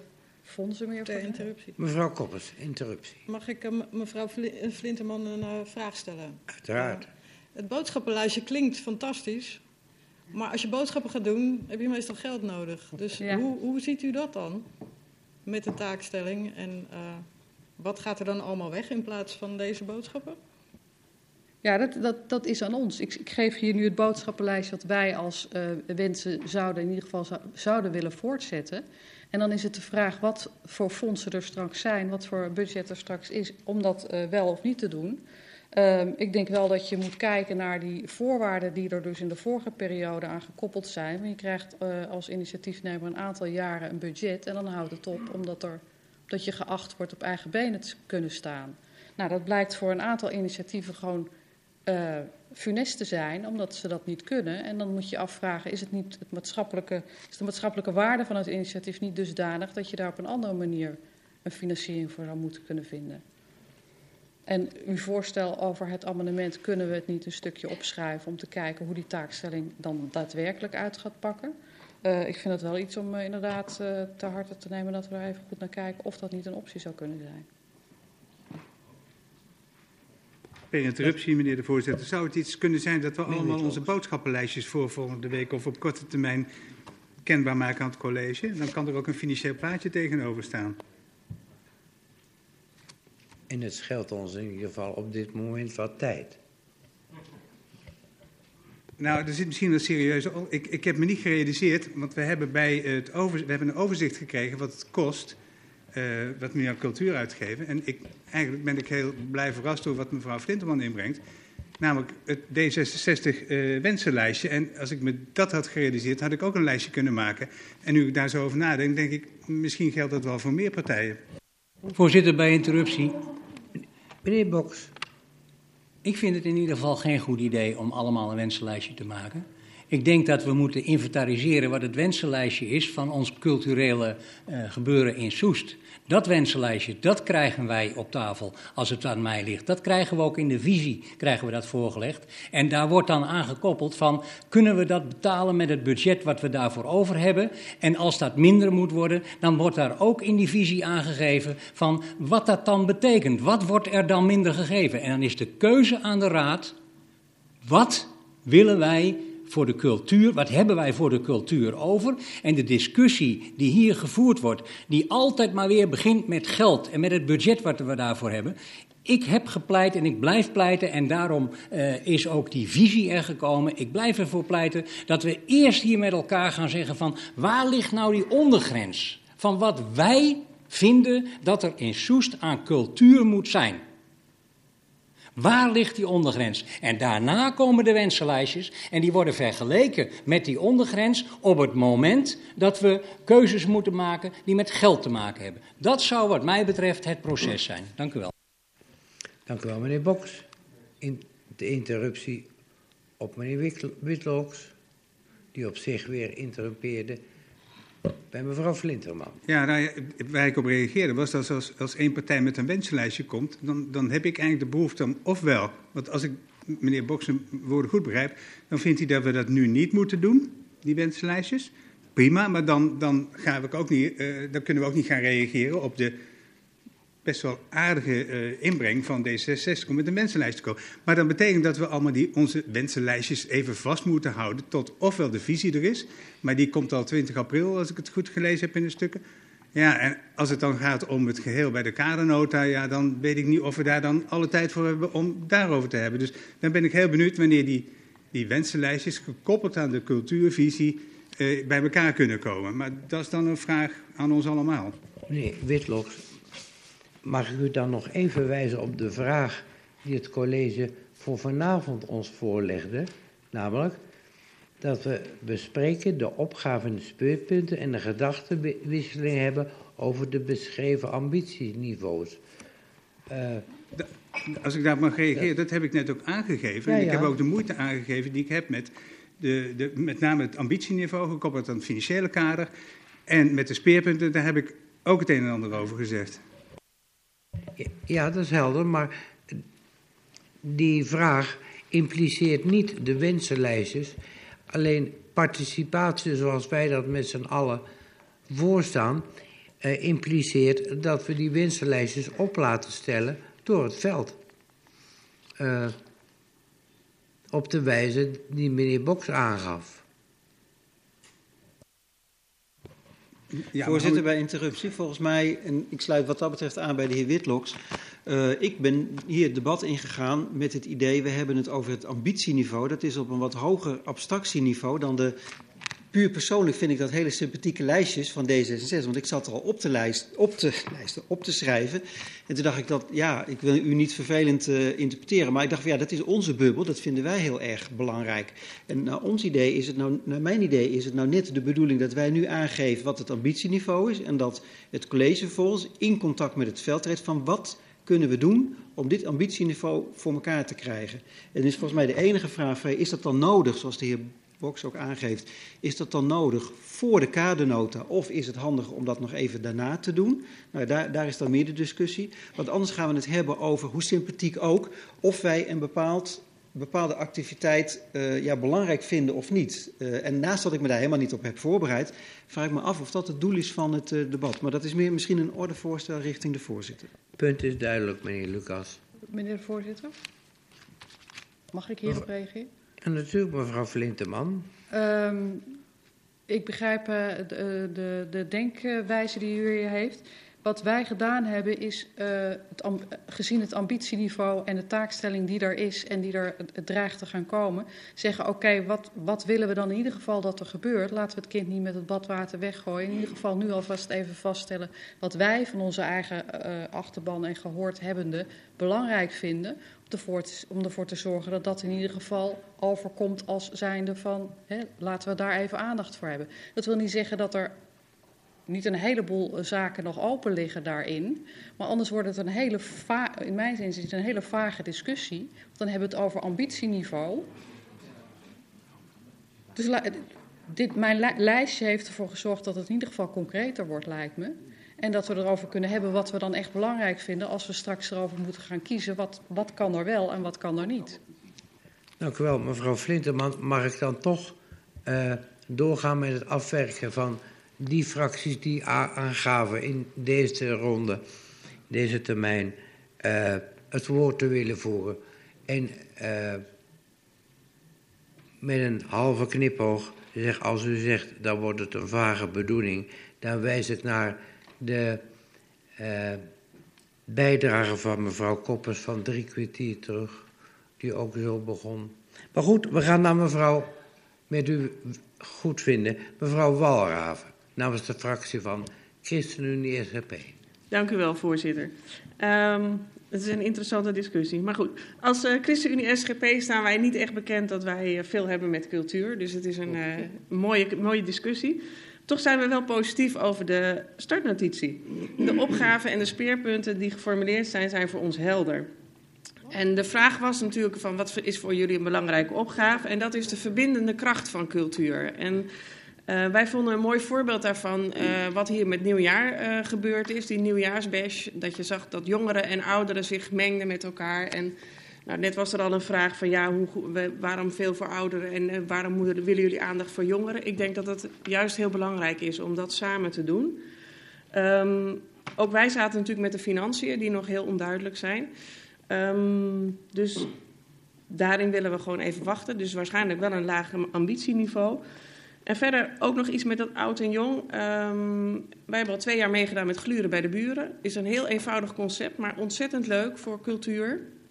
Om uh, elkaar te ontmoeten, jong en oud. En je hebt ook nog een concept struin in de tuinen. Dat is nog niet in Soest. En misschien is dat een idee om dat ook in te gaan voeren in Soest. Oké, okay, dank u wel. Dank u wel voor uw bijdrage, mevrouw Walraven. Namens de fractie van ChristenUnie SGP. Meneer Boks, namens de fractie van LAS. Ja, voorzitter, dank u wel. Ja, ik, ik moest even glimlachen toen mijn buurvrouw zei: uh, ChristenUnie SGP heeft niet veel op met cultuur. Maar volgens mij bent u een, een, een belangrijk onderdeel van onze Nederlandse cultuur. Maar dat even terzijde. Um, voorzitter, de discussie hier uh, over uh, heel specifieke zaken. Gaan we het uitgeven aan, de jeugd, aan een actie voor de jeugd of aan gluren bij de buren. volgens mij, wat hiervoor ligt, de vraag die het college ook aan ons stelt, ligt op een ander niveau college vraagt ons, zo hebben wij hem in ieder geval uitgelegd, van uh, wij noemen een aantal speerpunten die onder ons uh, uh, cultuurbeleid moeten liggen. Raad, wilt u hier nog wat aan toevoegen? Wilt u hier misschien iets specificeren? en wilt u aangeven waarvan u vindt als raad van, daar moeten wij als Soest voor waken en als raad voor zorgen dat dat in stand blijft of nieuw ontwikkeld wordt. Zo'n niveau moet er dan aangegeven worden. En of je dat dan bazaal of medium of maximaal noemt. Maar wij moeten daar wat handen en voeten aan geven. Uh, ik heb uh, geprobeerd, we hebben binnen onze fractie geprobeerd om al, door al die speerpunten heen te lopen. En toen kwamen wij ook op ons wensenlijstje. Toen kwamen we ook bijvoorbeeld op van, nou, er zou eens iets geregeld moeten worden dat jeugd uh, nou echt wel herrie kan maken, ergens uh, muziek kan uh, maken, wat heel veel lawaai geeft, maar waar ze de ruimte voor hebben. Dat kan eigenlijk nergens. En ze mogen het zelfs niet meer in cabrio als het gebeurt. Nee, grapje. dus daar zijn wij mee opgehouden met het invullen. En we hebben gezegd van, kijk nu eens naar die speerpunten. En daar hebben wij eigenlijk niets op gemist. Als, als dit erin zit, als, dit, als deze speerpunten overeind blijven in de visie. En die worden verrijkt met al die opmerkingen en al die ideeën die er uit het veld komen. Dan worden wij als eh, raad in positie gesteld om daar die grens in te gaan bepalen. En dat was ook de bedoeling toen we vroegen om uh, die visie. Want uh, de onrust, herinner ik mij nog heel goed bij de begrotingsbespreking, de onrust in het culturele veld, die bezuinigingen op zich af zag komen. En niemand wist eigenlijk, en zelfs de raad niet, van, maar waar gaat het nou neerslaan? Wat gaat het nou betekenen? En aan ons de vraag om in, uh, bij de cultuurvisie die hier uh, voorgelegd wordt, om die aanwijzing te geven van, en als het dan minder moet, ja jongens, dan gaat het daar, want die ondergrens hebben we bepaald en als je in die ondergrens valt, dan, uh, dan, dan zullen wij zorgen dat je overeind blijft. En zit je niet in die ondergrens en we moeten bezuinigen, ja, dan is het helaas jammer, maar dan moet dat zo zijn. Dan, dan voer je een discussie op een niveau waar je als raad voor besteld bent. En daarom uh, zal ik ook uh, een uh, motie in, in de richting van uitstellen en niet hebben van een visie. Voordat wij naar de kadernota gaan, zullen wij niet ondersteunen. Ik kan dat ook heel makkelijk zeggen, want volgende week ben ik er niet, dus dan kan ik hem ook niet ondersteunen. Maar ik, als ik er wel zou zijn geweest, zou ik hem niet ondersteunen. Voorzitter, tot zover. Dank u wel. Dank u wel, meneer Boks, namens de fractie van LAS. En ik wil u wijzen op de wijzers van de klok. En het feit dat we bij agenda punt 8 zijn en door mogen naar 12. Meneer De Wolf, namens de fractie van GGS. Ja, ik kan het heel kort houden. Uh, we kunnen in grote lijnen aansluiten bij de woorden van de heer Boks. Zelfs waar het gaat om het herriemaken door de jeugd. Maar inderdaad, liever niet in cabrio. Dank u wel. Dank u wel, meneer De Wolf. Inderdaad, kort. Meneer Van der Torre namens de fractie van de VVD. Ja, dank u wel, voorzitter. Ja, we hebben het nu over de startnotitie en daar zal ik me dan ook uh, vanavond toe uh, beperken. En dan het ambitieniveau en de uitgangspunten. Ja, wat het ambitieniveau betreft vind ik het heel lastig om daar iets nu over te zeggen. Als ik kies voor laag, dan doe ik het culturele veld tekort. Als ik kies voor hoog, dan doe ik de financiële realiteit tekort. Dus in feite is dat onmogelijk om daar nu feitelijk iets over te zeggen. Voorzitter, bij interruptie. Zou meneer, Ga de gang, Torre, meneer Bok. Zou meneer Van der Torre iets een verduidelijking willen geven bij uh, het niveau? Welk beeld of, of hij daarbij heeft? Als je zegt ambitieniveau laag, dat zou uh, misschien wel absoluut voldoende kunnen zijn. Uh, heeft u een beeld bij wat, wat die ambitieniveaus voorstellen? Gaat u verder, meneer Van der Torre? als ik daar direct even op kan reageren. Uh, zoals de hele uh, startnotitie is, is die vaag. Dat heb ik al in mijn eerste reactie aangegeven. Wat ik wel heb gelezen is in ieder geval dat het culturele veld zelf kiest voor de ambitie hoog. En vandaar dat ik aangaf dat als ik zou kiezen voor laag, dat ik dan het culturele veld tekort zou doen. Tot zover mijn reactie daarop. Maar ik ga even verder met mijn verhaal als u het goed vindt. Um, ja, over, dan wou ik nog even verder hebben over de, de uitgangspunten inderdaad. En ja, daar, daar zie ik toch ook een aantal vage dingen. Het, het hinkt echt op twee gedachten. Uh, het gaat om het profileren op basis van Soester DNA. Als ik dat lees, denk ik, nou, het Soester DNA is een DNA van diversiteit. Soest is een en al diversiteit. Dan gaat het om leeftijden, smaken van mensen, uh, culturele achtergrond en dergelijke. Dus dat kan heel breed zijn. Maar hoe lees ik het uh, in het stuk? Daar wordt uh, ja, profileren eigenlijk uh, gebruikt om een soort onderscheid te gaan maken van ja, wij moeten in Soest anders zijn dan anderen. ja, daar heb ik dan ook wat moeite mee. Wat betekent dat bijvoorbeeld van zingen doe je in Soest, beeldhouden in Baren, Armins van Buren naar Amersfoort, de blazers moeten naar Bunschoten moeten alles in elke gemeente anders. Ik, ik heb daar wat moeite mee, eerlijk gezegd. Dus ook daarin is het heel moeilijk om te zeggen van nou wij staan achter die uitgangspunten die hierin staan. Uh, dat even ten aanzien van, van, van de uitgangspunten. Uh, aandacht van iets wat er niet in staat, maar dat is al genoemd door anderen. En uh, dat is een punt wat VVD ook belangrijk vindt, is het cultureel ondernemerschap. En wat ik ook nog wil noemen, dat is zeker de samenwerking. Ik denk dat het heel belangrijk is, we hebben veel in Soest, maar dat we ook kijken hoe de verschillende partijen in Soest kunnen samenwerken. Dus ook die samenwerking zou ik uh, opgenomen willen hebben in een, een, nieuwe visie als die er komt. Uh, heel positief ben ik over uh, de inbreng van de culturele partijen en de inwoners. Want die moeten vooral de keuzes maken en niet wij als politici. Alleen maken we ons ja, toch wat zorgen over de tijdsdruk die er nu op staat. Maar wat al eerder gezegd is, en dat is ook onze visie, uh, cultuur komt vanuit de bewoners en niet vanuit het gemeentehuis. Dank u wel, meneer Van der Torre. Namens de fractie van de VVD heb ik nog één inbreng op mijn lijstje staan. En dat is die van Soes 2002 gedaan door de heer Welding. Ja, ik wil er even terugkomen op het ambitieniveau. Als ik goed naar de wethouder luister, dan bedoelt ze te zeggen: ambitieniveau 1 is behoudend en hou je wat je hebt. Ambitieniveau 2, dan ga je ook vernieuwen. Ik moet wel vertellen dat uh, ambitieniveau 2 wil niet zeggen dat dat duurder is of goedkoper is. Ik denk dat dat een hele andere discussie is. Ik denk dat de startnotitie bedoeld is als handleiding van hoe kan je later denken als we de cultuurvisie zelf maken. Ik vind het ook helemaal fout om een discussie te hebben over lijstjes en geen lijstjes. Vind ik veel te prematuur.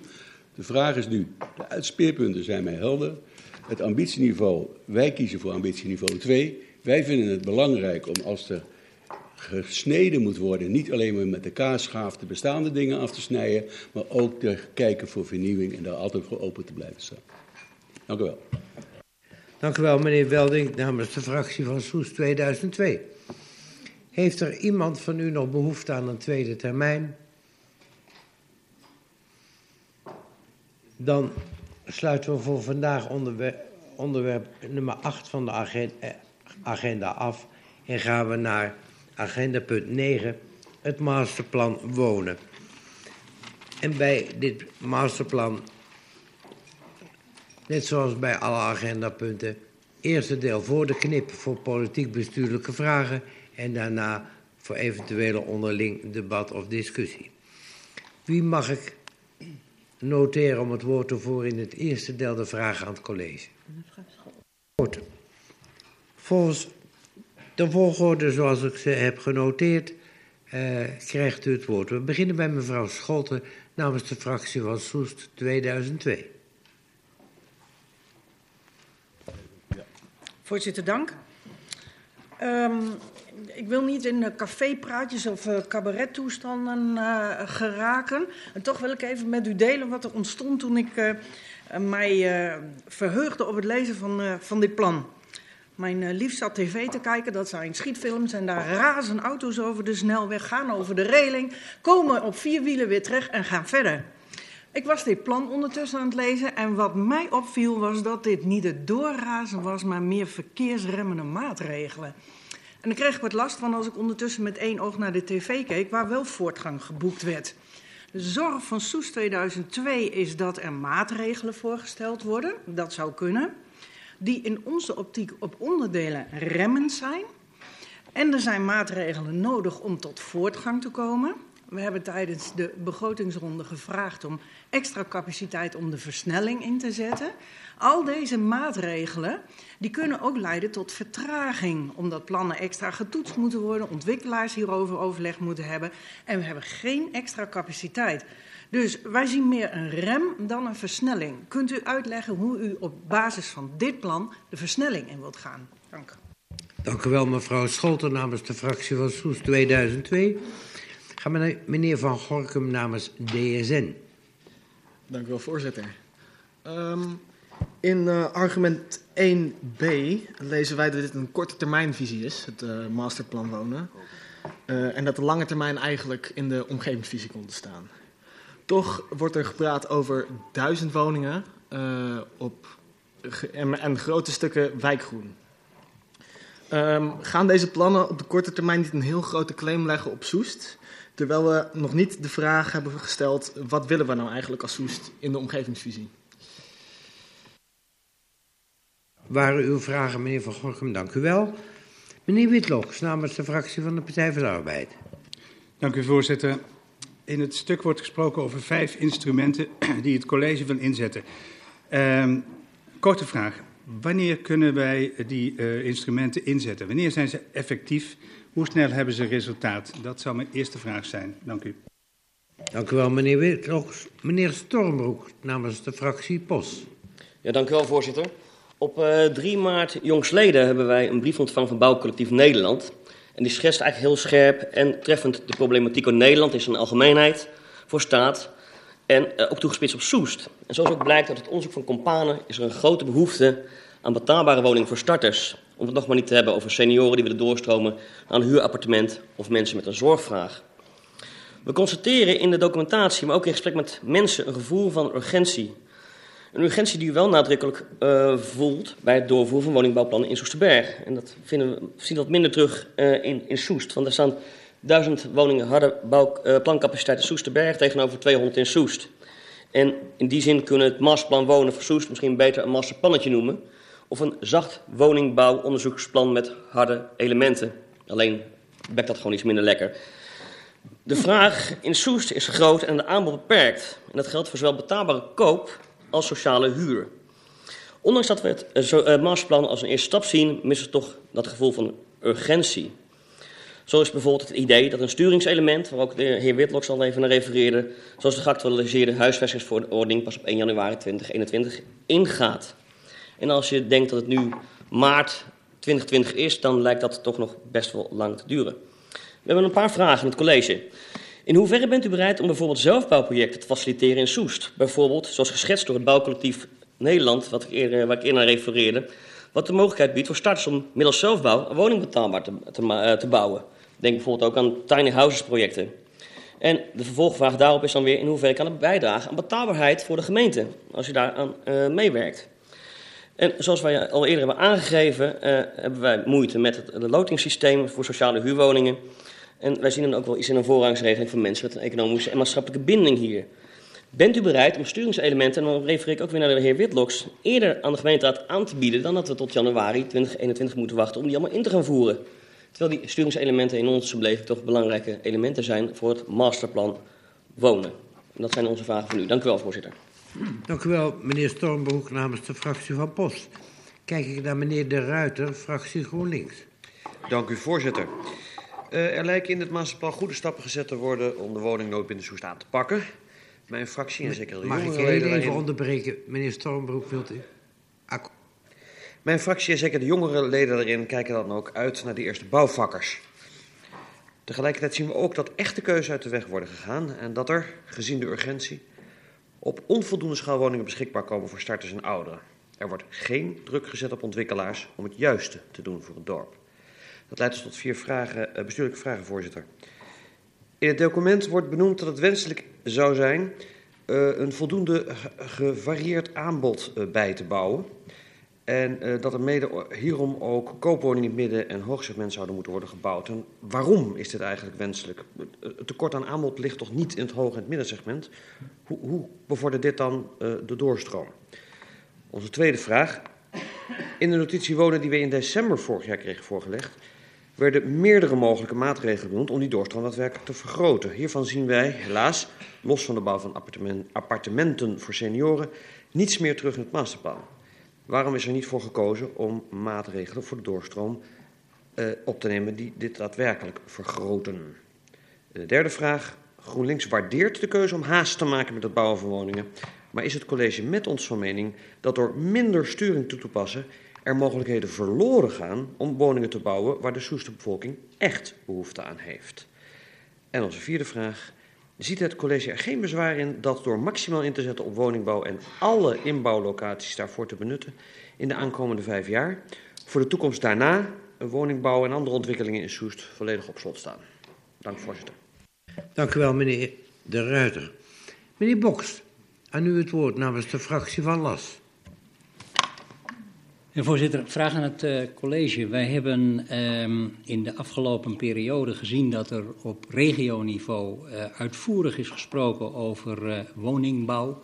En natuurlijk, dat heette kwalitatief, want kwantiteit mocht daar niet in voorkomen hebben ze toch gedaan en dat vonden sommigen niet leuk. Maar daar is een hele mooie krant uitgekomen waar heel veel leuke, goede en goed onderbouwde ideeën in staan. Vergis ik mij als ik zeg dat er in dit plan wat hier ligt helemaal niets met uh, die uitkomsten is gedaan?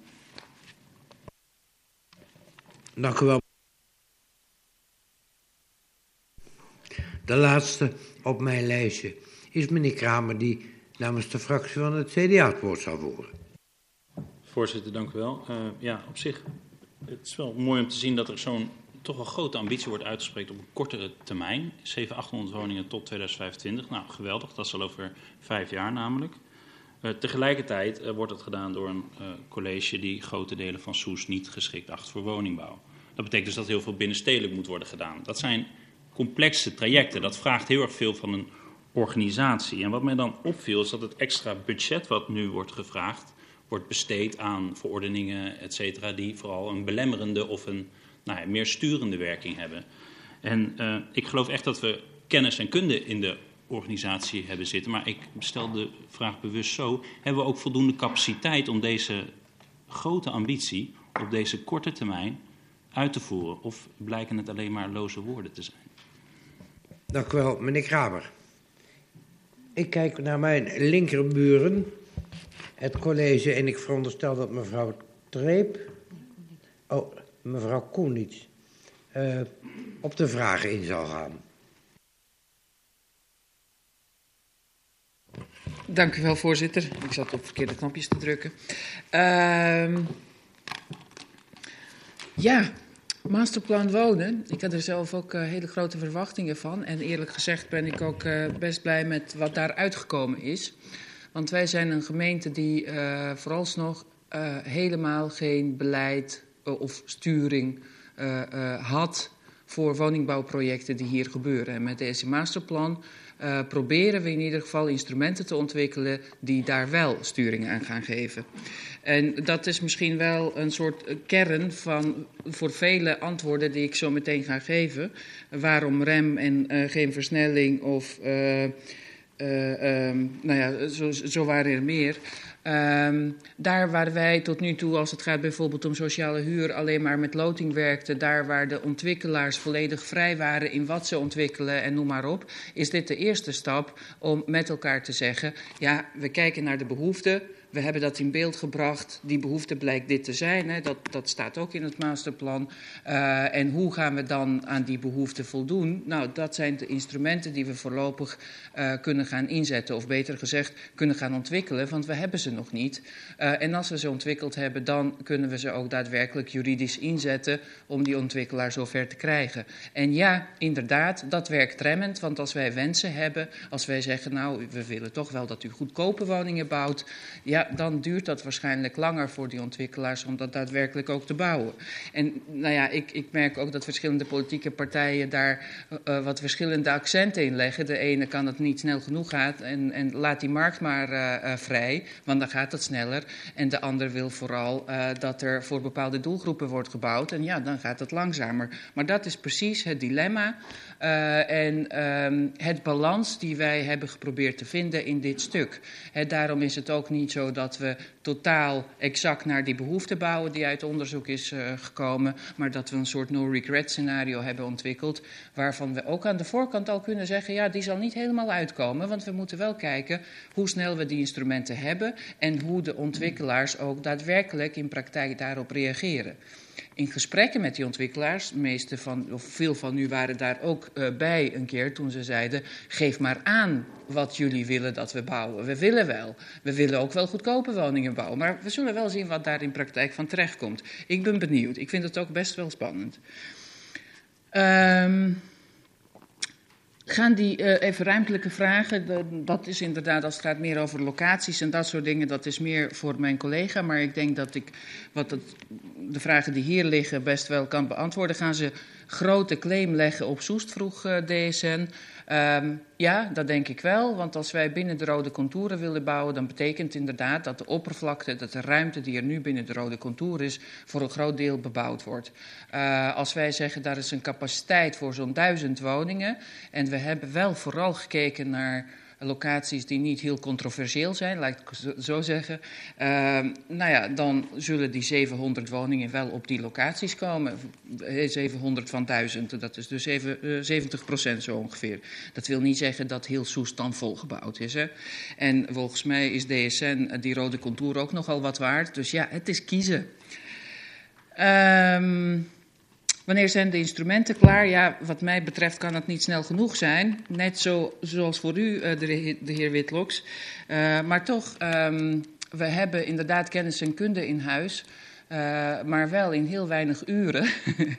uh, en die uren moeten ze dan benutten om die instrumenten te ontwikkelen. En dat duurt dan wel eventjes. En aangezien wij dat tot nu toe niet hadden, moeten we ook wel goed nadenken over de consequenties en houdbaarheid van dat wat we ontwikkelen. Nou, een aantal van die zaken zullen ook samen met de regio ontwikkeld worden. Ik heb bijvoorbeeld binnenkort een vergadering over woonruimteverdeling. En eh, nou ja, daar zitten twaalf uh, thema's waar we met elkaar uh, moeten uitkomen. Van hoe zullen we dat in de regio doen. Nou ja, ik hoop u dan ook op uw wenken te kunnen bedienen met aanpassing van het lotingssysteem. Daar zei Pos wat over. Nou ja, Eh, wat mij betreft is het wenselijk, want het lotingssysteem zorgt er wel voor dat veel mensen eh, in de regio uh, Soest als een soort kans zien waar ze niet aan de beurt komen in eigen gemeente. Uh, maar het is wel een hele andere uitgangspunt dan wat u tot nu toe hebt uh, gewenst en vastgesteld.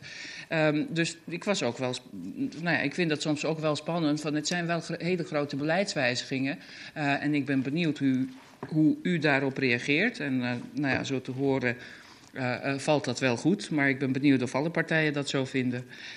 Um, even kijken. Um, betaalbaarheid uh, van, voor, van de projecten voor de gemeente.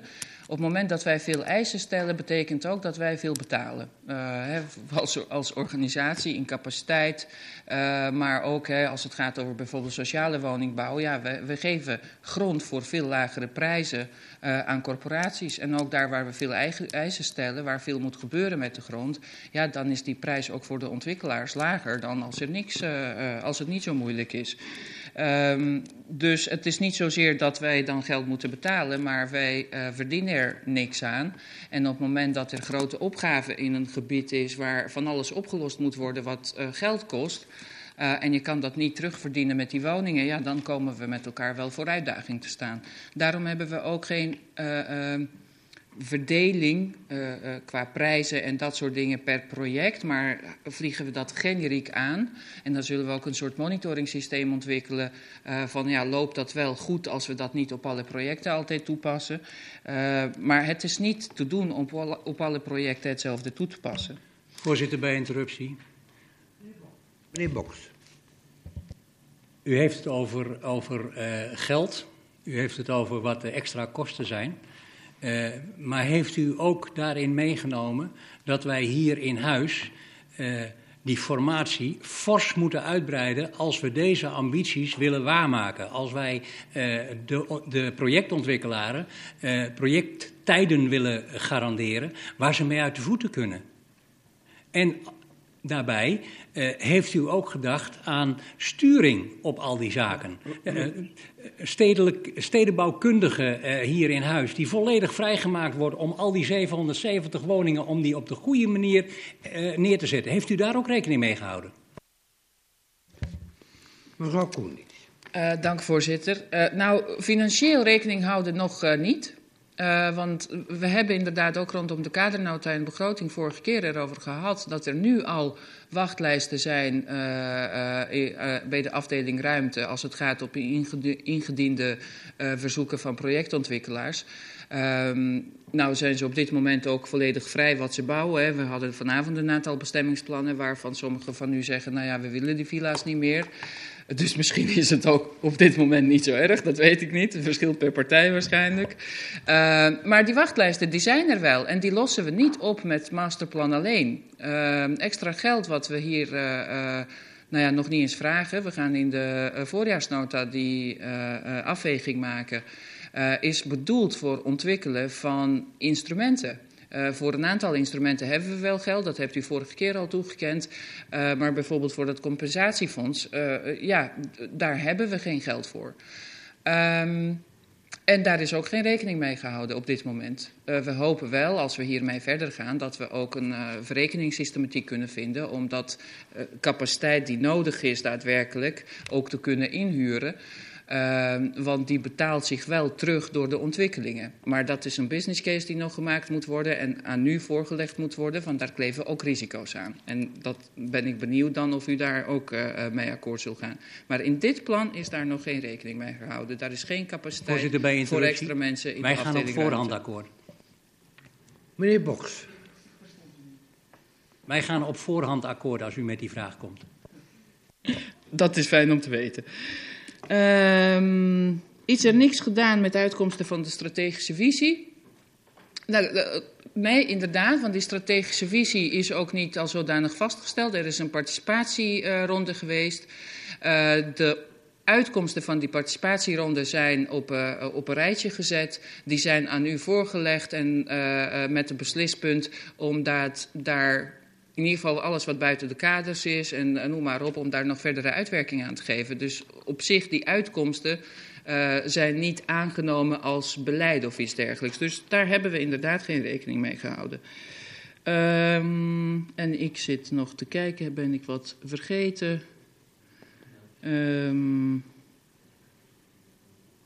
ja, GroenLinks, ook een vraag inderdaad van, nou ja, als we nu die duizend locaties invullen, uh, ja, wat gebeurt er daarna? Gaat Soest daarna op slot? Nou, dat vind ik een zeer politieke vraag. Uh, ik vind het niet helemaal gepast om dat vanuit college te beantwoorden, maar procesmatig is het wel zo dat we bezig zijn met de omgevingsvisie, uh, met de vraag uh, wat voor gemeente willen we zijn. En daar hoort ook inderdaad hoe ontwikkelt uh, zich ruimte daarin en wat we daarmee gaan doen in de toekomst. En ik hoop dat die omgevingsvisie daar antwoord op gaat geven. Ehm, Waarom hoog- en middensegment ook nog eentje inderdaad van uh, GroenLinks die ik nog niet... Uh, um, als we alleen maar echt op de uh, sociaal betaalbaar enzovoort zitten... dan komen die ontwikkelaars echt niet over de brug. En wij kunnen het als gemeente niet allemaal zelf betalen. Dus het, het moet wel een haalbare business case worden... als we ook een beetje snelheid erin willen. Dank u wel, voorzitter. Dank u wel, mevrouw Koenies, voor de beantwoording. Kan ik nog iemand noteren voor de tweede termijn. Mevrouw Scholten, De Wilde, meneer Witlooks. Dat was het. Dank u wel. Mevrouw Scholten, Soes 2002, aan u het woord. Voorzitter, dank. Uh, de wethouder gaf aan, hè, met dit masterplan gaan we sturing geven. Dan geven we sturing aan de invulling op plotniveau. Waar wij ons een beetje zorgen over maken, is dat je uh, wijken hebt waar je soms behoefte hebt aan een andere samenstelling dan dat die er nu is. Op het moment dat je dit scenario erop los gaat laten, kun je geen sturing meer geven aan hoe de wijkopbouw in de ideale zin over 10 of 15 jaar zou kunnen zijn. Kunt u ook zeggen hoe u dat kunt rijmen met, met de visie van hè, hoe, hoe zien wij Soest? Dank. Dank u wel, mevrouw Scholten, Soest 2002. Meneer De Wilde van de VVD. Ik denk dat ik een beetje in de war ben. Ik heb geen vraag. Ik dacht dat we al een de debatronde begonnen. Dus ik uh, verzaak. Oké, okay, we komen u zo weer tegen. Meneer Witlogs, Partij van de Arbeid. Ja, ik heb gevraagd naar een, eh, een, vrij concreet antwoord rond de inzet van die instrumenten. Nu weet u, u heeft zelf gesteld, de evaluatie van dit plan is in 2022. Kijk, als die, als die instrumenten niet ruim voor die tijd uh, effectief zijn, dan heeft zo'n evaluatie ook weinig zin. Dus zou u toch kunnen aangeven of dit jaar kunnen, uh, dit jaar kunnen rekenen dat de instrumenten effectief zijn? Zou u dat antwoord kunnen geven? Dank u wel, meneer Wittox. Anderen nog? Nee, dan kijk ik nog één keer naar mevrouw Koendiet. Om Dank u wel, voorzitter. Ik heb er twee uh, genoteerd uh, nu. Wijksamenstelling over 10, 15 jaar. Hoe, hoe geven we daar sturing aan? Um, we hebben nu aangegeven wat de behoefte is voor heel Kern Soest. En we willen juist, uh, inderdaad, we passen dat niet op alle projecten uh, letterlijk zo toe. Zodat we uh, wat flexibiliteit hebben daar waar we denken, nou, daar staan al heel veel sociale woningen. En daar moet eigenlijk juist middenduur tot hoog segment komen. Dat we dat daar kunnen toelaten. En ergens waar dat meer gewenst is, juist die woningen aan de onderkant toevoegen. Dus dat zal op projectniveau gebeuren en niet uh, in het groot. Um, het is ook wel zo dat die vraag van wat voor gemeente willen we zijn en ook misschien op wijkniveau, op gebiedsniveau in ieder geval in de omgevingsvraag uh, wordt beantwoord. Maar de toevoeging die we nu hebben, tussen nu en vijf jaar hoop ik, uh, die heeft op de totale woningvoorraad niet hele grote bewegingen. Dus het, het kan geen kwaad, laat ik het zo zeggen. Het is een no-regret scenario. Um, En ja, zijn instrumenten dit jaar effectief? Eerlijk gezegd, dat betwijfel ik. We gaan ons best doen om zo snel mogelijk met die huisvestingsverordening aan de slag. Dat is de eerste. De doelgroepenverordening is daarna. Ondertussen hoop ik ook te weten of we budget krijgen voor die uh, uh, compensatiefonds, want dat is een belangrijk financieringsinstrument. We doen wat we kunnen met de capaciteit dat we hebben. En mocht er intussen tijd meer geld komen voor capaciteit, of mochten we andere manieren verzinnen om dat te financieren, dan doen we dat zeker wel. Dank u wel. Dank u wel, mevrouw Koenliets. Heeft er een van de fracties behoefte aan onderlinge discussie of debat? Ik zie meneer Witloks. Meneer De Wilde. De heer Adriani. Adriani. De heer Van Gorkum. Meneer Boks. Mm -hmm. De heer Vormer. De heer Paus.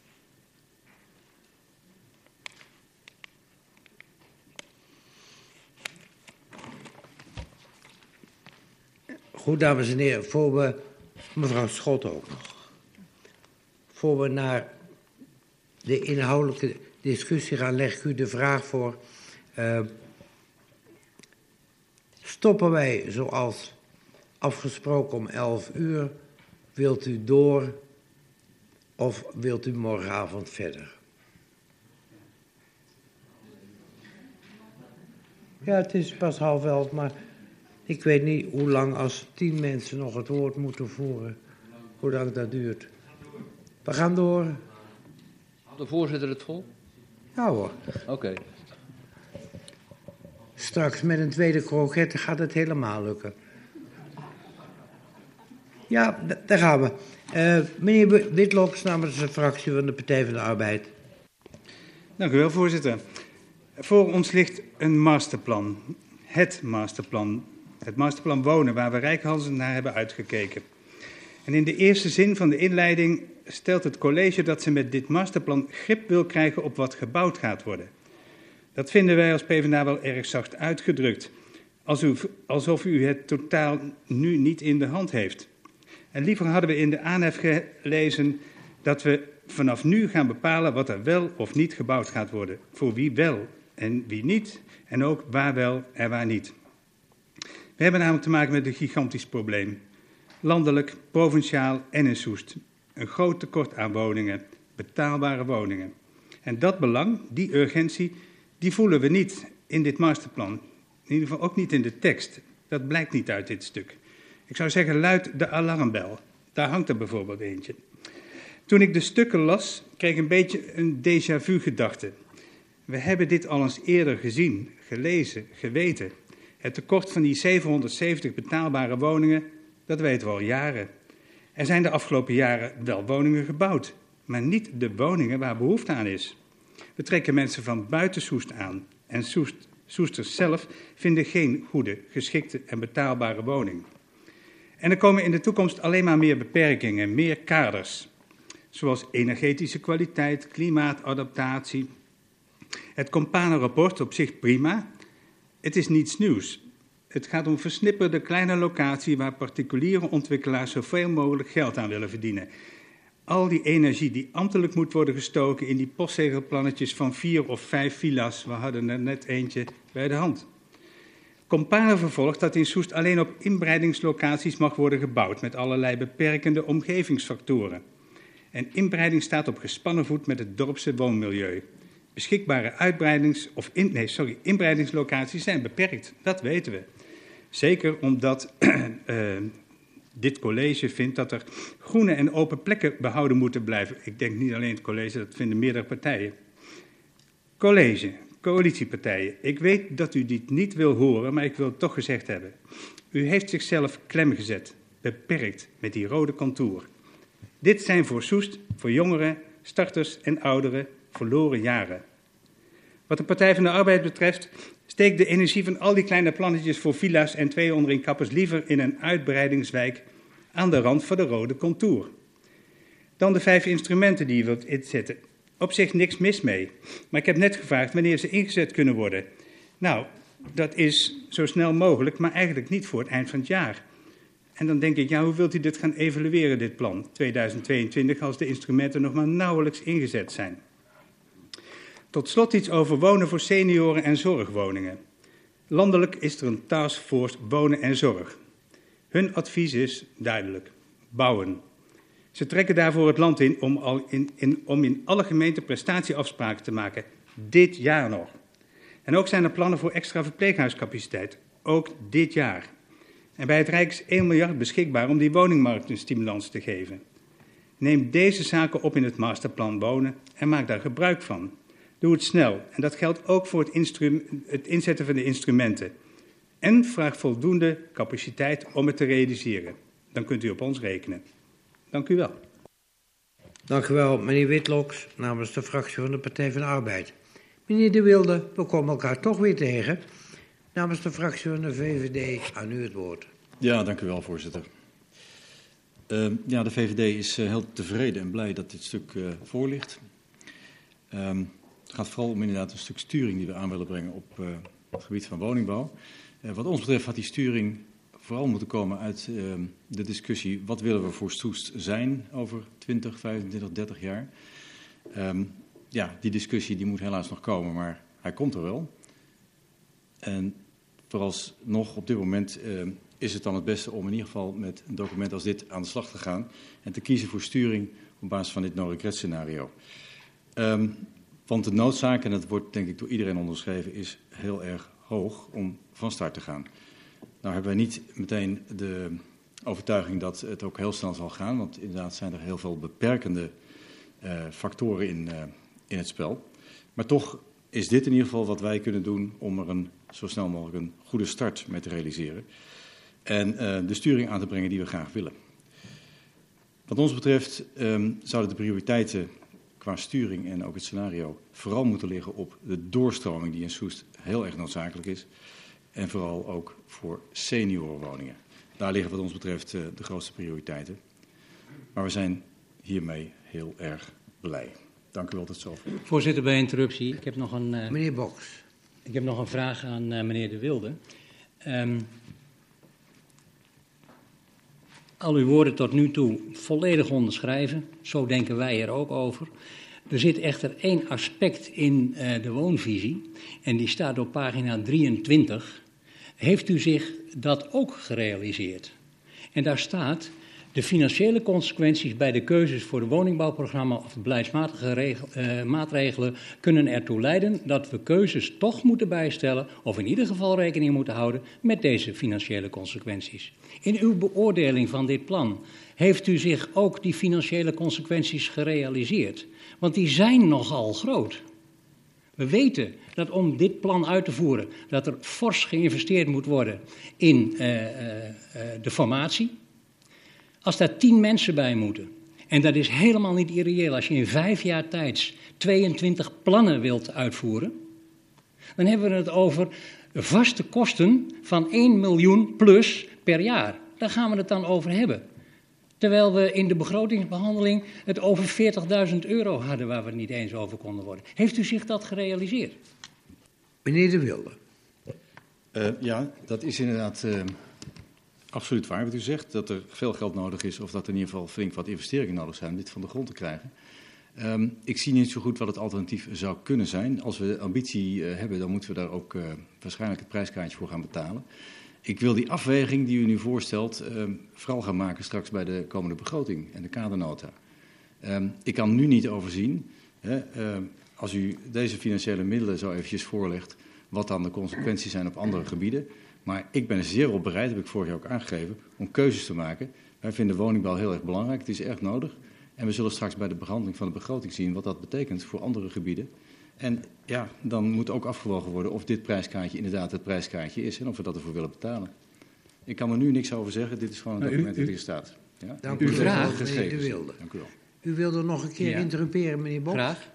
U, u vraagt, wat, uh, u kunt niet zien wat de alternatieven zijn. Nou, uh, collega Witloks heeft er net één genoemd. Als je dat aan de randen van Soes doet, en niet in de polder, hè, als je dat aan de randen van Soes doet, dan heb je het niet over 22 plannetjes, maar dan heb je het hooguit over drie plannen.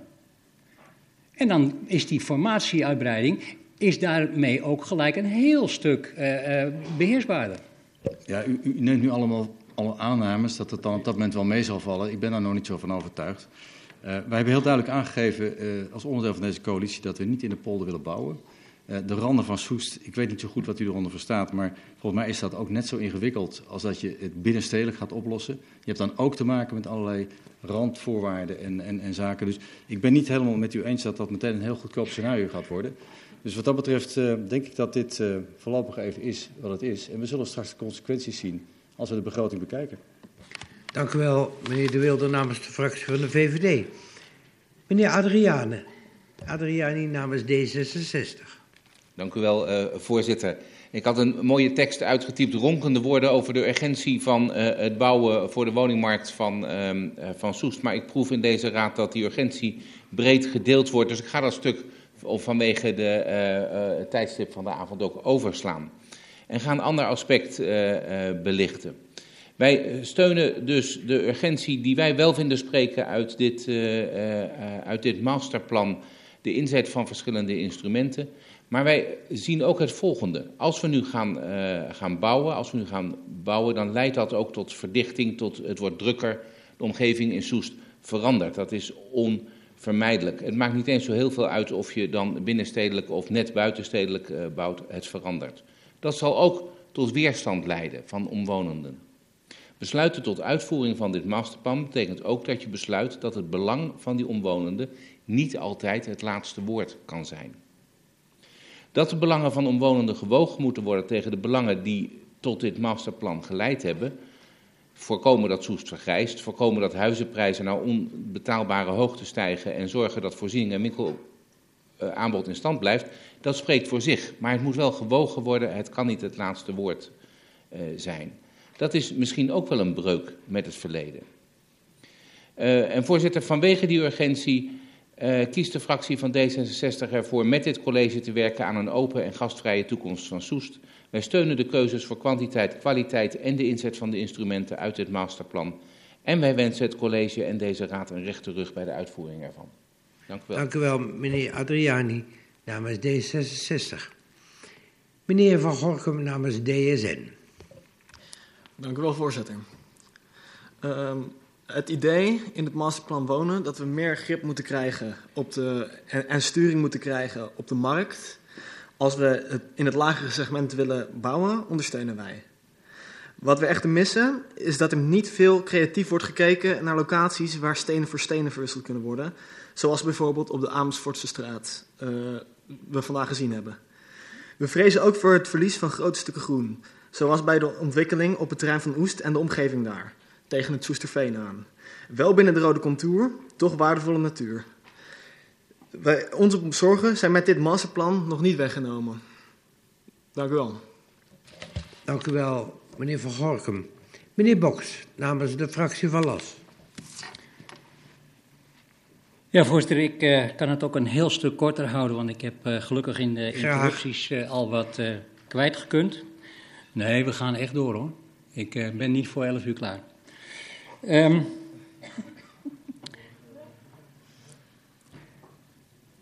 in de inleiding staat dat het college grip wil krijgen op wat er gaat gebeuren aan bouwen. Nou, als je ziet wat er allemaal nog voor nodig is en hoeveel tijd het allemaal nog gaat kosten, dan durf ik de voorspelling aan dat er tot aan de verkiezingen niet of nauwelijks van dit plan zal worden uitgevoerd.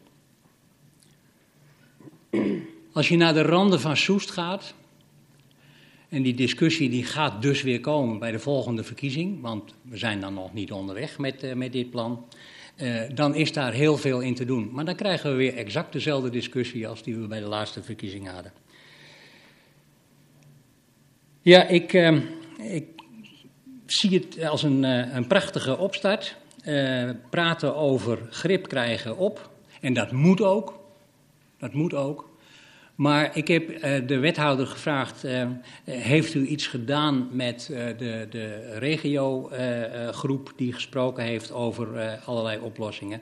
Daar staat er bijvoorbeeld één in die in de komende twee jaar in ieder geval zou kunnen helpen. En dat is het plan van de tiny houses. Ik bedoel, dat zijn geen huizen voor 30 jaar. Dat zijn huizen die voor de korte termijn de problemen van met name ook jongere soesters zouden kunnen oplossen. Ik zou willen pleiten voor in ieder geval een onderzoek om te kijken of we daar hier in Soest, Soest iets mee kunnen. Om te overbruggen richting de uh, uiteindelijke realisering van deze plannen. Tot zover uh, mijn inbreng, uh, voorzitter. Dank u wel, meneer Boks. meneer De Ruiter van de fractie van GroenLinks. Ja, dank u wel, voorzitter. Ook in antwoord op uh, de inbreng van een aantal collega's. Uh, qua inbrenging ligt er nu een, een, ambitieus plan. Wij vragen ons wel af of dat binnen de komende 4,5 jaar al die woningen wel gerealiseerd zullen kunnen worden. Dat zijn er meer van ons. Helemaal omdat er nog verder onderzoek gedaan moet worden naar drie van de vijf sturingmethodes die worden voorgesteld. we hebben tot nu toe steeds geageerd tegen nog meer onderzoek en nog meer papier. En nu ligt er meer papier en zie, er moet nog meer onderzoek gedaan worden. En dat moet ook nog geld kosten. Uh, jarenlang hebben ontwikkelaars kunnen verdienen door vrijwel alleen dure woningen neer te zetten. En nu zouden ze niet in het segment dat nodig is willen bouwen. En waarom dan niet ook gewoon simpel een verplichting opleggen om bij iedere ontwikkeling een woningbouwcorporatie uh, te betrekken. We zien nu niet echt een effectieve aanpak, nog in kwalitatieve, nog in kwantitatieve uh, zin terug. Um, en dat brengt me eigenlijk bij de aanstaande omgevingsvisie. in de masterplan wordt benadrukt dat dit masterplan slechts voor de aankomende vijf jaar is de discussie over wat voor dorp wij willen zijn, hoe het er in de toekomst uitkomt te zien, uh, moet dan nog maar even op zich wachten. Toch gaat volgens dit masterplan de aankomende jaren ontzettend veel uh, gebeuren, ontzettend veel gebouwd worden. We moeten nog zien, maar toch. Waardoor de keuzemogelijkheden om te sturen op wat voor dorp we dan willen, weer worden beperkt. En als die keuzes dan toch niet duidelijk gemaakt worden, uh, vinden we dat als raad dan menselijk? Of willen wij misschien toch eerst de discussie over wat voor dorp we willen zijn, voordat we uh, ongebre ongebreideld gaan inbreiden? Voorzitter, bij interruptie. Ook dit masterplan is eerder benoemd als een bouwsteen. Dus uh, ik uh, zal wat dat betreft uh, in het. het zal dan een motie worden die ik voorbereid. Dan zal ik dit ook als zodanig benoemen. Want ook dit plan is niet anders dan een bouwsteen voor de omgevingsvisie. Dank u, wel. Meneer Boks, ik ben benieuwd hoe u dat doet als u vanavond meedeelde dat u er volgende week niet was. Maar we Daar zijn bent u vast niet echt benieuwd naar. Was u eh, klaar met uw betoog, meneer De Ruiter? Meneer de voorzitter, ik was klaar met mijn betoog en ik heb geen interruptie gehoord. Dus. Oké, helder. Gaan we naar mevrouw Walraven, fractie ChristenUnie SGP. Dank u wel, voorzitter. Ehm, het masterplan wonen. Wij vinden het een goed stuk. En eh, het is nodig om te beginnen met het bouwen van woningen in Soest. Ehm, we zien dat het betaalbaar wonen onder druk staat en er behoefte is aan woningen in het lage en betaalbare segment. Met name voor onze jongeren en ouderen. En het is al eerder gezegd, het is heel belangrijk dat er snel woningen voorkomen. En dat er ook doorstroming zal zijn, zodat eh, senioren een plek hebben en die weer plaatsen vrijmaken. Wat ons betreft is het wel belangrijk dat de instrumenten komen, omdat we die grip erg nodig hebben. Mijn buurman was daar iets minder van overtuigd, maar ik denk dat het heel belangrijk is dat we die instrumenten hebben om goed grip te krijgen en om ook echt die betaalbare woningen te krijgen. Ook kijken wij met belangstelling uit naar het programma voor wonen en zorg, want ook op dit gebied liggen er nog wel wat uitdagingen, omdat de vergrijzing toeneemt in ons dorp. Dank u wel. Dank u wel, mevrouw Walraven. En u sprak namens ChristenUnie SGP.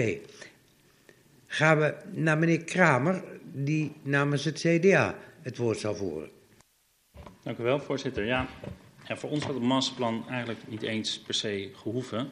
Zeker eerlijk gezegd, als je nu het resultaat ziet, het voelt een beetje als verloren tijd. Want een echt masterplan had, zoals in uh, Soesterberg is gebeurd, veel verder uitgezoomd en gekeken, ja, wat voor Soest willen we zijn. Het is al veel aan de orde geweest. Een echt masterplan had zich daarbij niet laten leiden door de bestaande kaders uit een coalitieakkoord, maar had, net zoals in Soesterberg, een vergezicht kunnen opleveren waar we veel meer aan zouden kunnen hebben. Een echt masterplan is kortom de nog op te stellen omgevingsvisie. Um, de positieve uitkomsten van, de, uitkomsten van dit plan is dat er een analyse ligt van het probleem. Wordt er ons allemaal uh, erkend, een knellende woningmarkt. En van de opgave, namelijk het toevoegen van woningen in het lage en middensegment. Uh, wij delen, net als iedereen hier, die analyse en voelen de, voelen de urgentie van de opgave. En daarom zien wij ook voldoende reden om in te stemmen met het voorliggende plan, of zoals wij hebben gelabeld, deze inventarisatie. Uh, we hebben wel uh, diverse kanttekeningen. En ja, het is nog niet aan de orde geweest, maar in het plan en ook in het raadsvoorstel lees ik dat er, dan wordt er gesproken van het probleem of de dreiging van vestigers van buiten de gemeente Soest. Zij zouden de Soesters ja, verdringen, lees ik dan.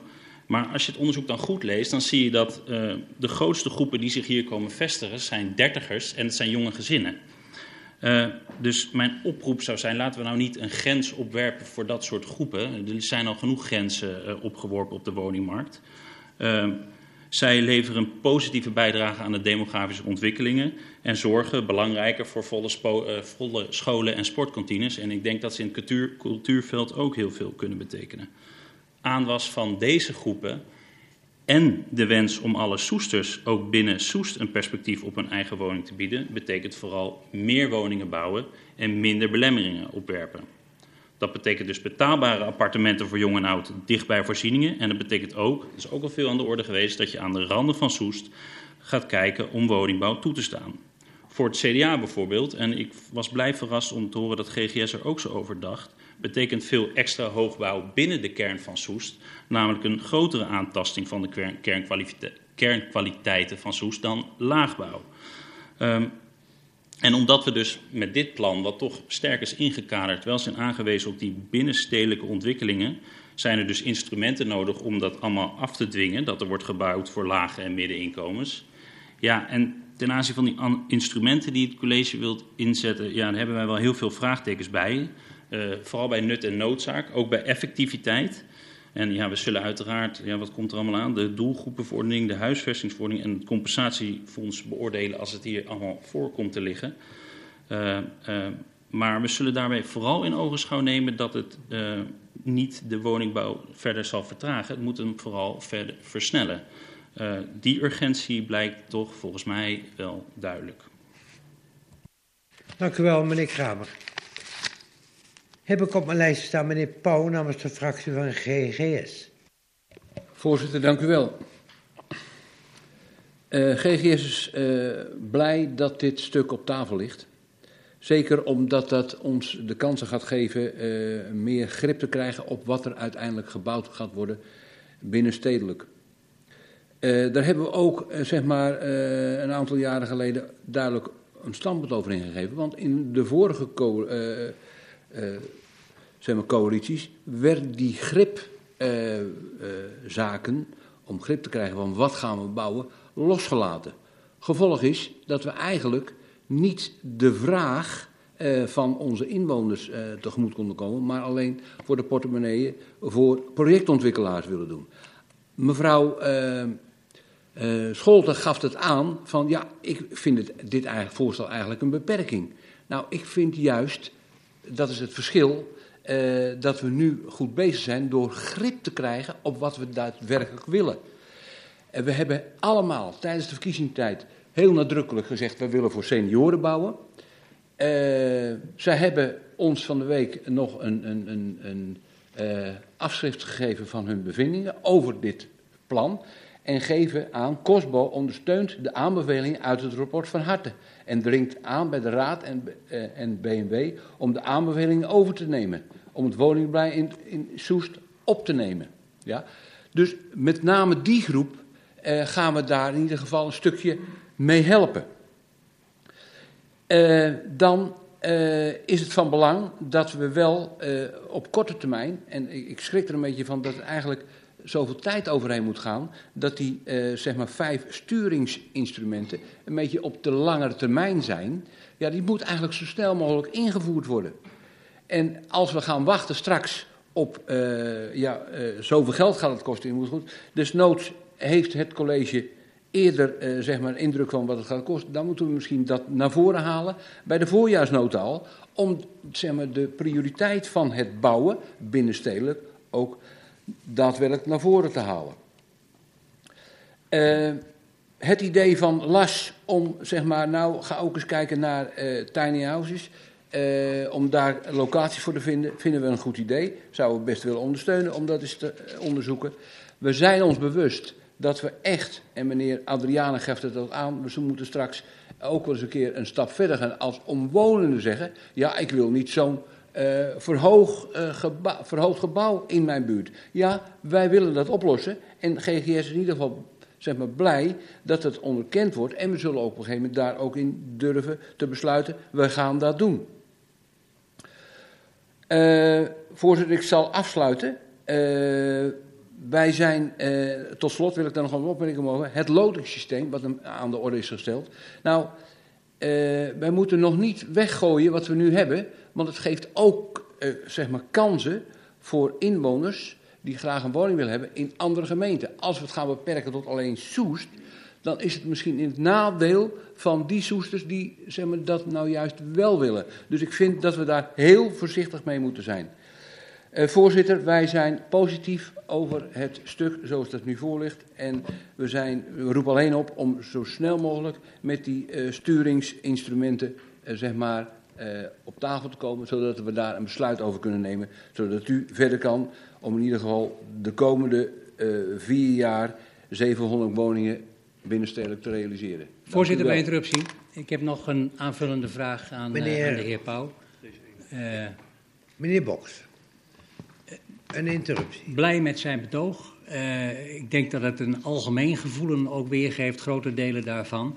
Uh, de vraag die u stelt en uh, die u nu voor de tweede keer opwerpt, mogen we die volgende week in, een, in de vorm van een amendement terugzien, zodat er wat druk op gezet wordt? De vraag aan het college om snel met die antwoorden te komen? Meneer Pauw, heeft u behoefte aan een antwoord? Ik ga uh, daar nog over nadenken hoe ik dat uh, precies ga doen, maar uh, wie weet. maar misschien is het helemaal niet nodig. Dank u wel, meneer Pauw, voor uw inbreng. Gaan we naar de laatste op van dit reisje, mevrouw Scholter, die spreekt namens Soes 2002. Dank, voorzitter. Er zijn er vele voor geweest en die hebben veel woorden gesproken die inderdaad ook in mijn voorbereiding voorkwamen. Rest mij eigenlijk nog maar één ding, en dat is nadruk leggen op een aantal dingen die ik gehoord heb en die wij als Soes 2002 waanzinnig aanhangen. En dat is die 50 kleine plotjes die er nu zijn, met al die vraag om capaciteit en inzet om tot een geringe realisatie te komen van die enorme, uh, of ten opzichte van die enorme behoefte die er is.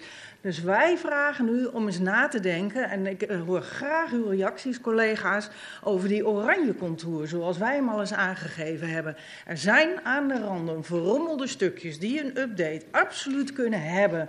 Als we daar nu eens even wat groters naar kijken, naar groter naar kijken, dat betekent, is dit niet iets waar we met z'n allen wat mee willen? Waar veel meer woningen gerealiseerd kunnen worden in één keer, zodat we eens die klapper kunnen maken zonder een enorme wissel te trekken op ons ambtelijk apparaat en uiteindelijk wel resultaat gaan boeken. Collega's, denk eens aan de oranje contour.